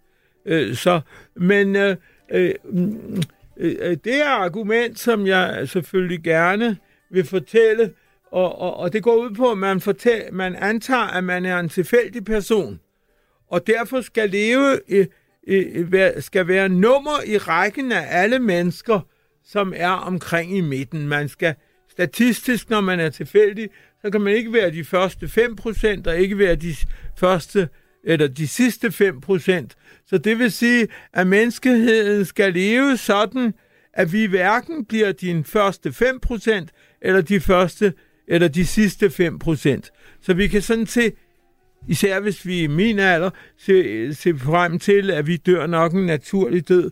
Men, øh, men øh, øh, om tusind år, så er det næsten uundgåeligt, at enten skal menneskeheden være faldet ned til et meget lavt øh, øh befolkning, eller også skal vi uddø. Og det nemmeste er måske nogle af disse katastrofer, man laver selv, ved at man får en eller anden opfindelse, som er halvgiftig eller sådan noget. Således Men der er jo andre ting, der kan være på spil som forklaring, fordi det er jo faktisk sådan, at, at nogle af de, de mest udviklede øh, befolkninger, de taber, øh, de, de går ned i, i, i be, befolkningsantal. Så det kan jo være, om ganske få år, så går alle øh, de vigtige nationer ned i Det-. Det er fø- fertilitet og fødselstal og den slags, du, Ja, du tænker på. fødselstallet simpelthen, ikke? Således kom vi rundt om det meste. Ja, det blev lidt mere end ingenting. ja, det blev nemlig lidt mere om ingenting. Øh, før de her, I skal videre ud i øh, weekenden. Jeg ved slet ikke, om I er sådan nogle typer, der holder weekends. Om det er noget, som er for banalt for jer. Jeg ved ikke, øh, Holger. Jeg gør, men jeg ved ikke. Nej, det gør jeg nok ikke. Jeg vil nok sige, nå, nu kan jeg, nu, nu, nu er der ikke så mange ting at lave for i weekenden, så, så nu kan jeg godt koncentrere mig om at, at finde ud af, hvad det sorte stof er, eller finde øh, den nye formel for, hvad, hvad er finstrukturkonstanternes værdi og den slags. Holger, har, har du tænkt over... fordi- Klassisk weekendhygge. Fuldstændig. Ja. så, øh, en omgang øh, vild med dans, og så lige fundere over det her. Holger Bæk, ikke fordi, at jeg vil sige, at jeg synes jo, altså du er jo en, en ung mand i, øh, i, i hjerne, og det, det kører det hele. Du er jo her og underholder. Men har du tænkt over, at du har brugt det meste af dit liv på at finde ud af teorien om ingenting? Finde ud af, finde svarene på mange af de ting, du har spekuleret Jo, over. det Om kan du, jeg jo ikke benægte. Men kan, om du, hvad, hvad, hvis du ikke når at finde svar på de her ting? Ja, det ved jeg ikke. Det er jo, det er jo, svært realistisk, altså. Men øh, øh, du kan jo også prøve... Altså, vi er, jo, vi er jo ligesom lidt glade for bare at finde nogle sådan undersvar, ikke sandt? Hvis- Hvis, du kan sige, ja, men, men jeg var en af dem, der fandt på strengteorien, og den har været enormt populær, selvom den måske slet ikke er rigtig. Eller jeg har øh, øh, øh lavet vortexlinjer, øh, selvom sammen med Paul Olesen, øh, øh, selvom der måske var en, en russer, der gjorde det først, og, og sådan noget. Men, men der er jo altid nogen, der gør det øh, uafhængigt og, og, og sådan. Og det kan jo godt være, at det er af betydning alligevel, øh, både selvom det, øh, det ikke er fuldstændig den rigtige teori for alting, øh, øh, men kun en lille detalje, øh, og, og selvom det ikke er fuldstændig alene, men at der er en del andre, der har, har gjort det samme, øh, fordi det er jo, sådan er det jo, og, og Ja, det er vel svært at forestille sig at få svar på alle spørgsmål, fordi hver gang man finder ud af noget, så er der jo noget nyt at spørge om. Ja, sådan vil det jo typisk være, ikke sandt? Og, og, og det, er jo, det, er jo, det er jo sådan, det er. Så det er måske lige ambitiøst nok med det her med at lave teorien for det hele. I har i hvert fald lavet uh, teorien om uh, alting og teorien om ingenting, og det er den, der er i uh, forretningerne lige nu, Jonas Kulratje og Holger Bæk. Det har været simpelthen en kæmpe fornøjelse at have besøg af i studiet og drikke en uh, lille glas bobler med jer. Det er, kan jeg skrive på CV'et nu, at jeg har gjort. Ja, nu kan vi jo drikke, når vi er færdige. Det kan vi nemlig. Skål og glædelig weekend. Du lytter til fredagsmissionen på Radio 4. Man har en død mand i badekar på et hotelværelse. Krimiland genåbner sagen om et mystisk dødsfald i toppen af tysk politik. Der er ikke nogen som helst sådan umiddelbare synlige indikationer i retning af, om han er blevet myrdet, eller om han er blevet selvmord. Genstand for genstand gennemgår Christoffer Lind og Anders Oris hotelværelset for spor. Livet er påklædt. Barsel, han har skjorte og slips på. Hvis vi begynder med at fokusere på badekarret og på livet, så har han ikke sine sko på. Han har ikke nogen sko på. Lyt til Krimiland om Uwe Barschel i Radio 4's app, eller der, hvor du lytter til podcast. Radio 4. Det her, det, øh, det vil blive et mysterium. Ikke så forudsigeligt.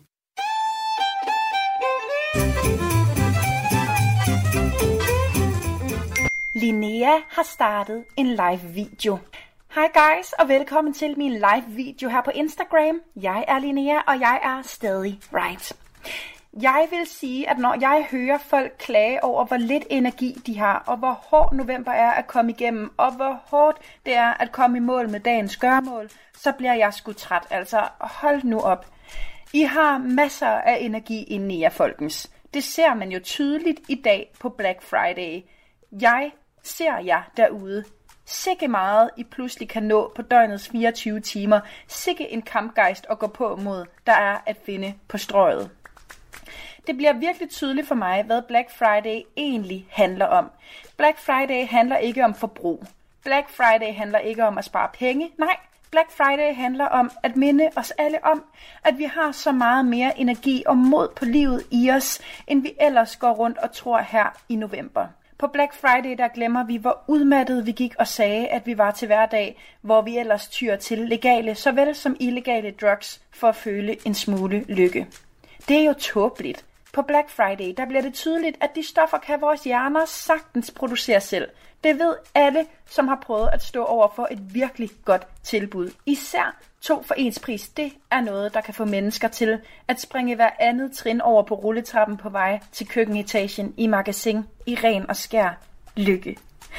Vi moderne mennesker, vi har en selvfortælling om, at vi som udgangspunkt er udmattede, udbrændte og energiforladte, men der er ikke noget galt med os.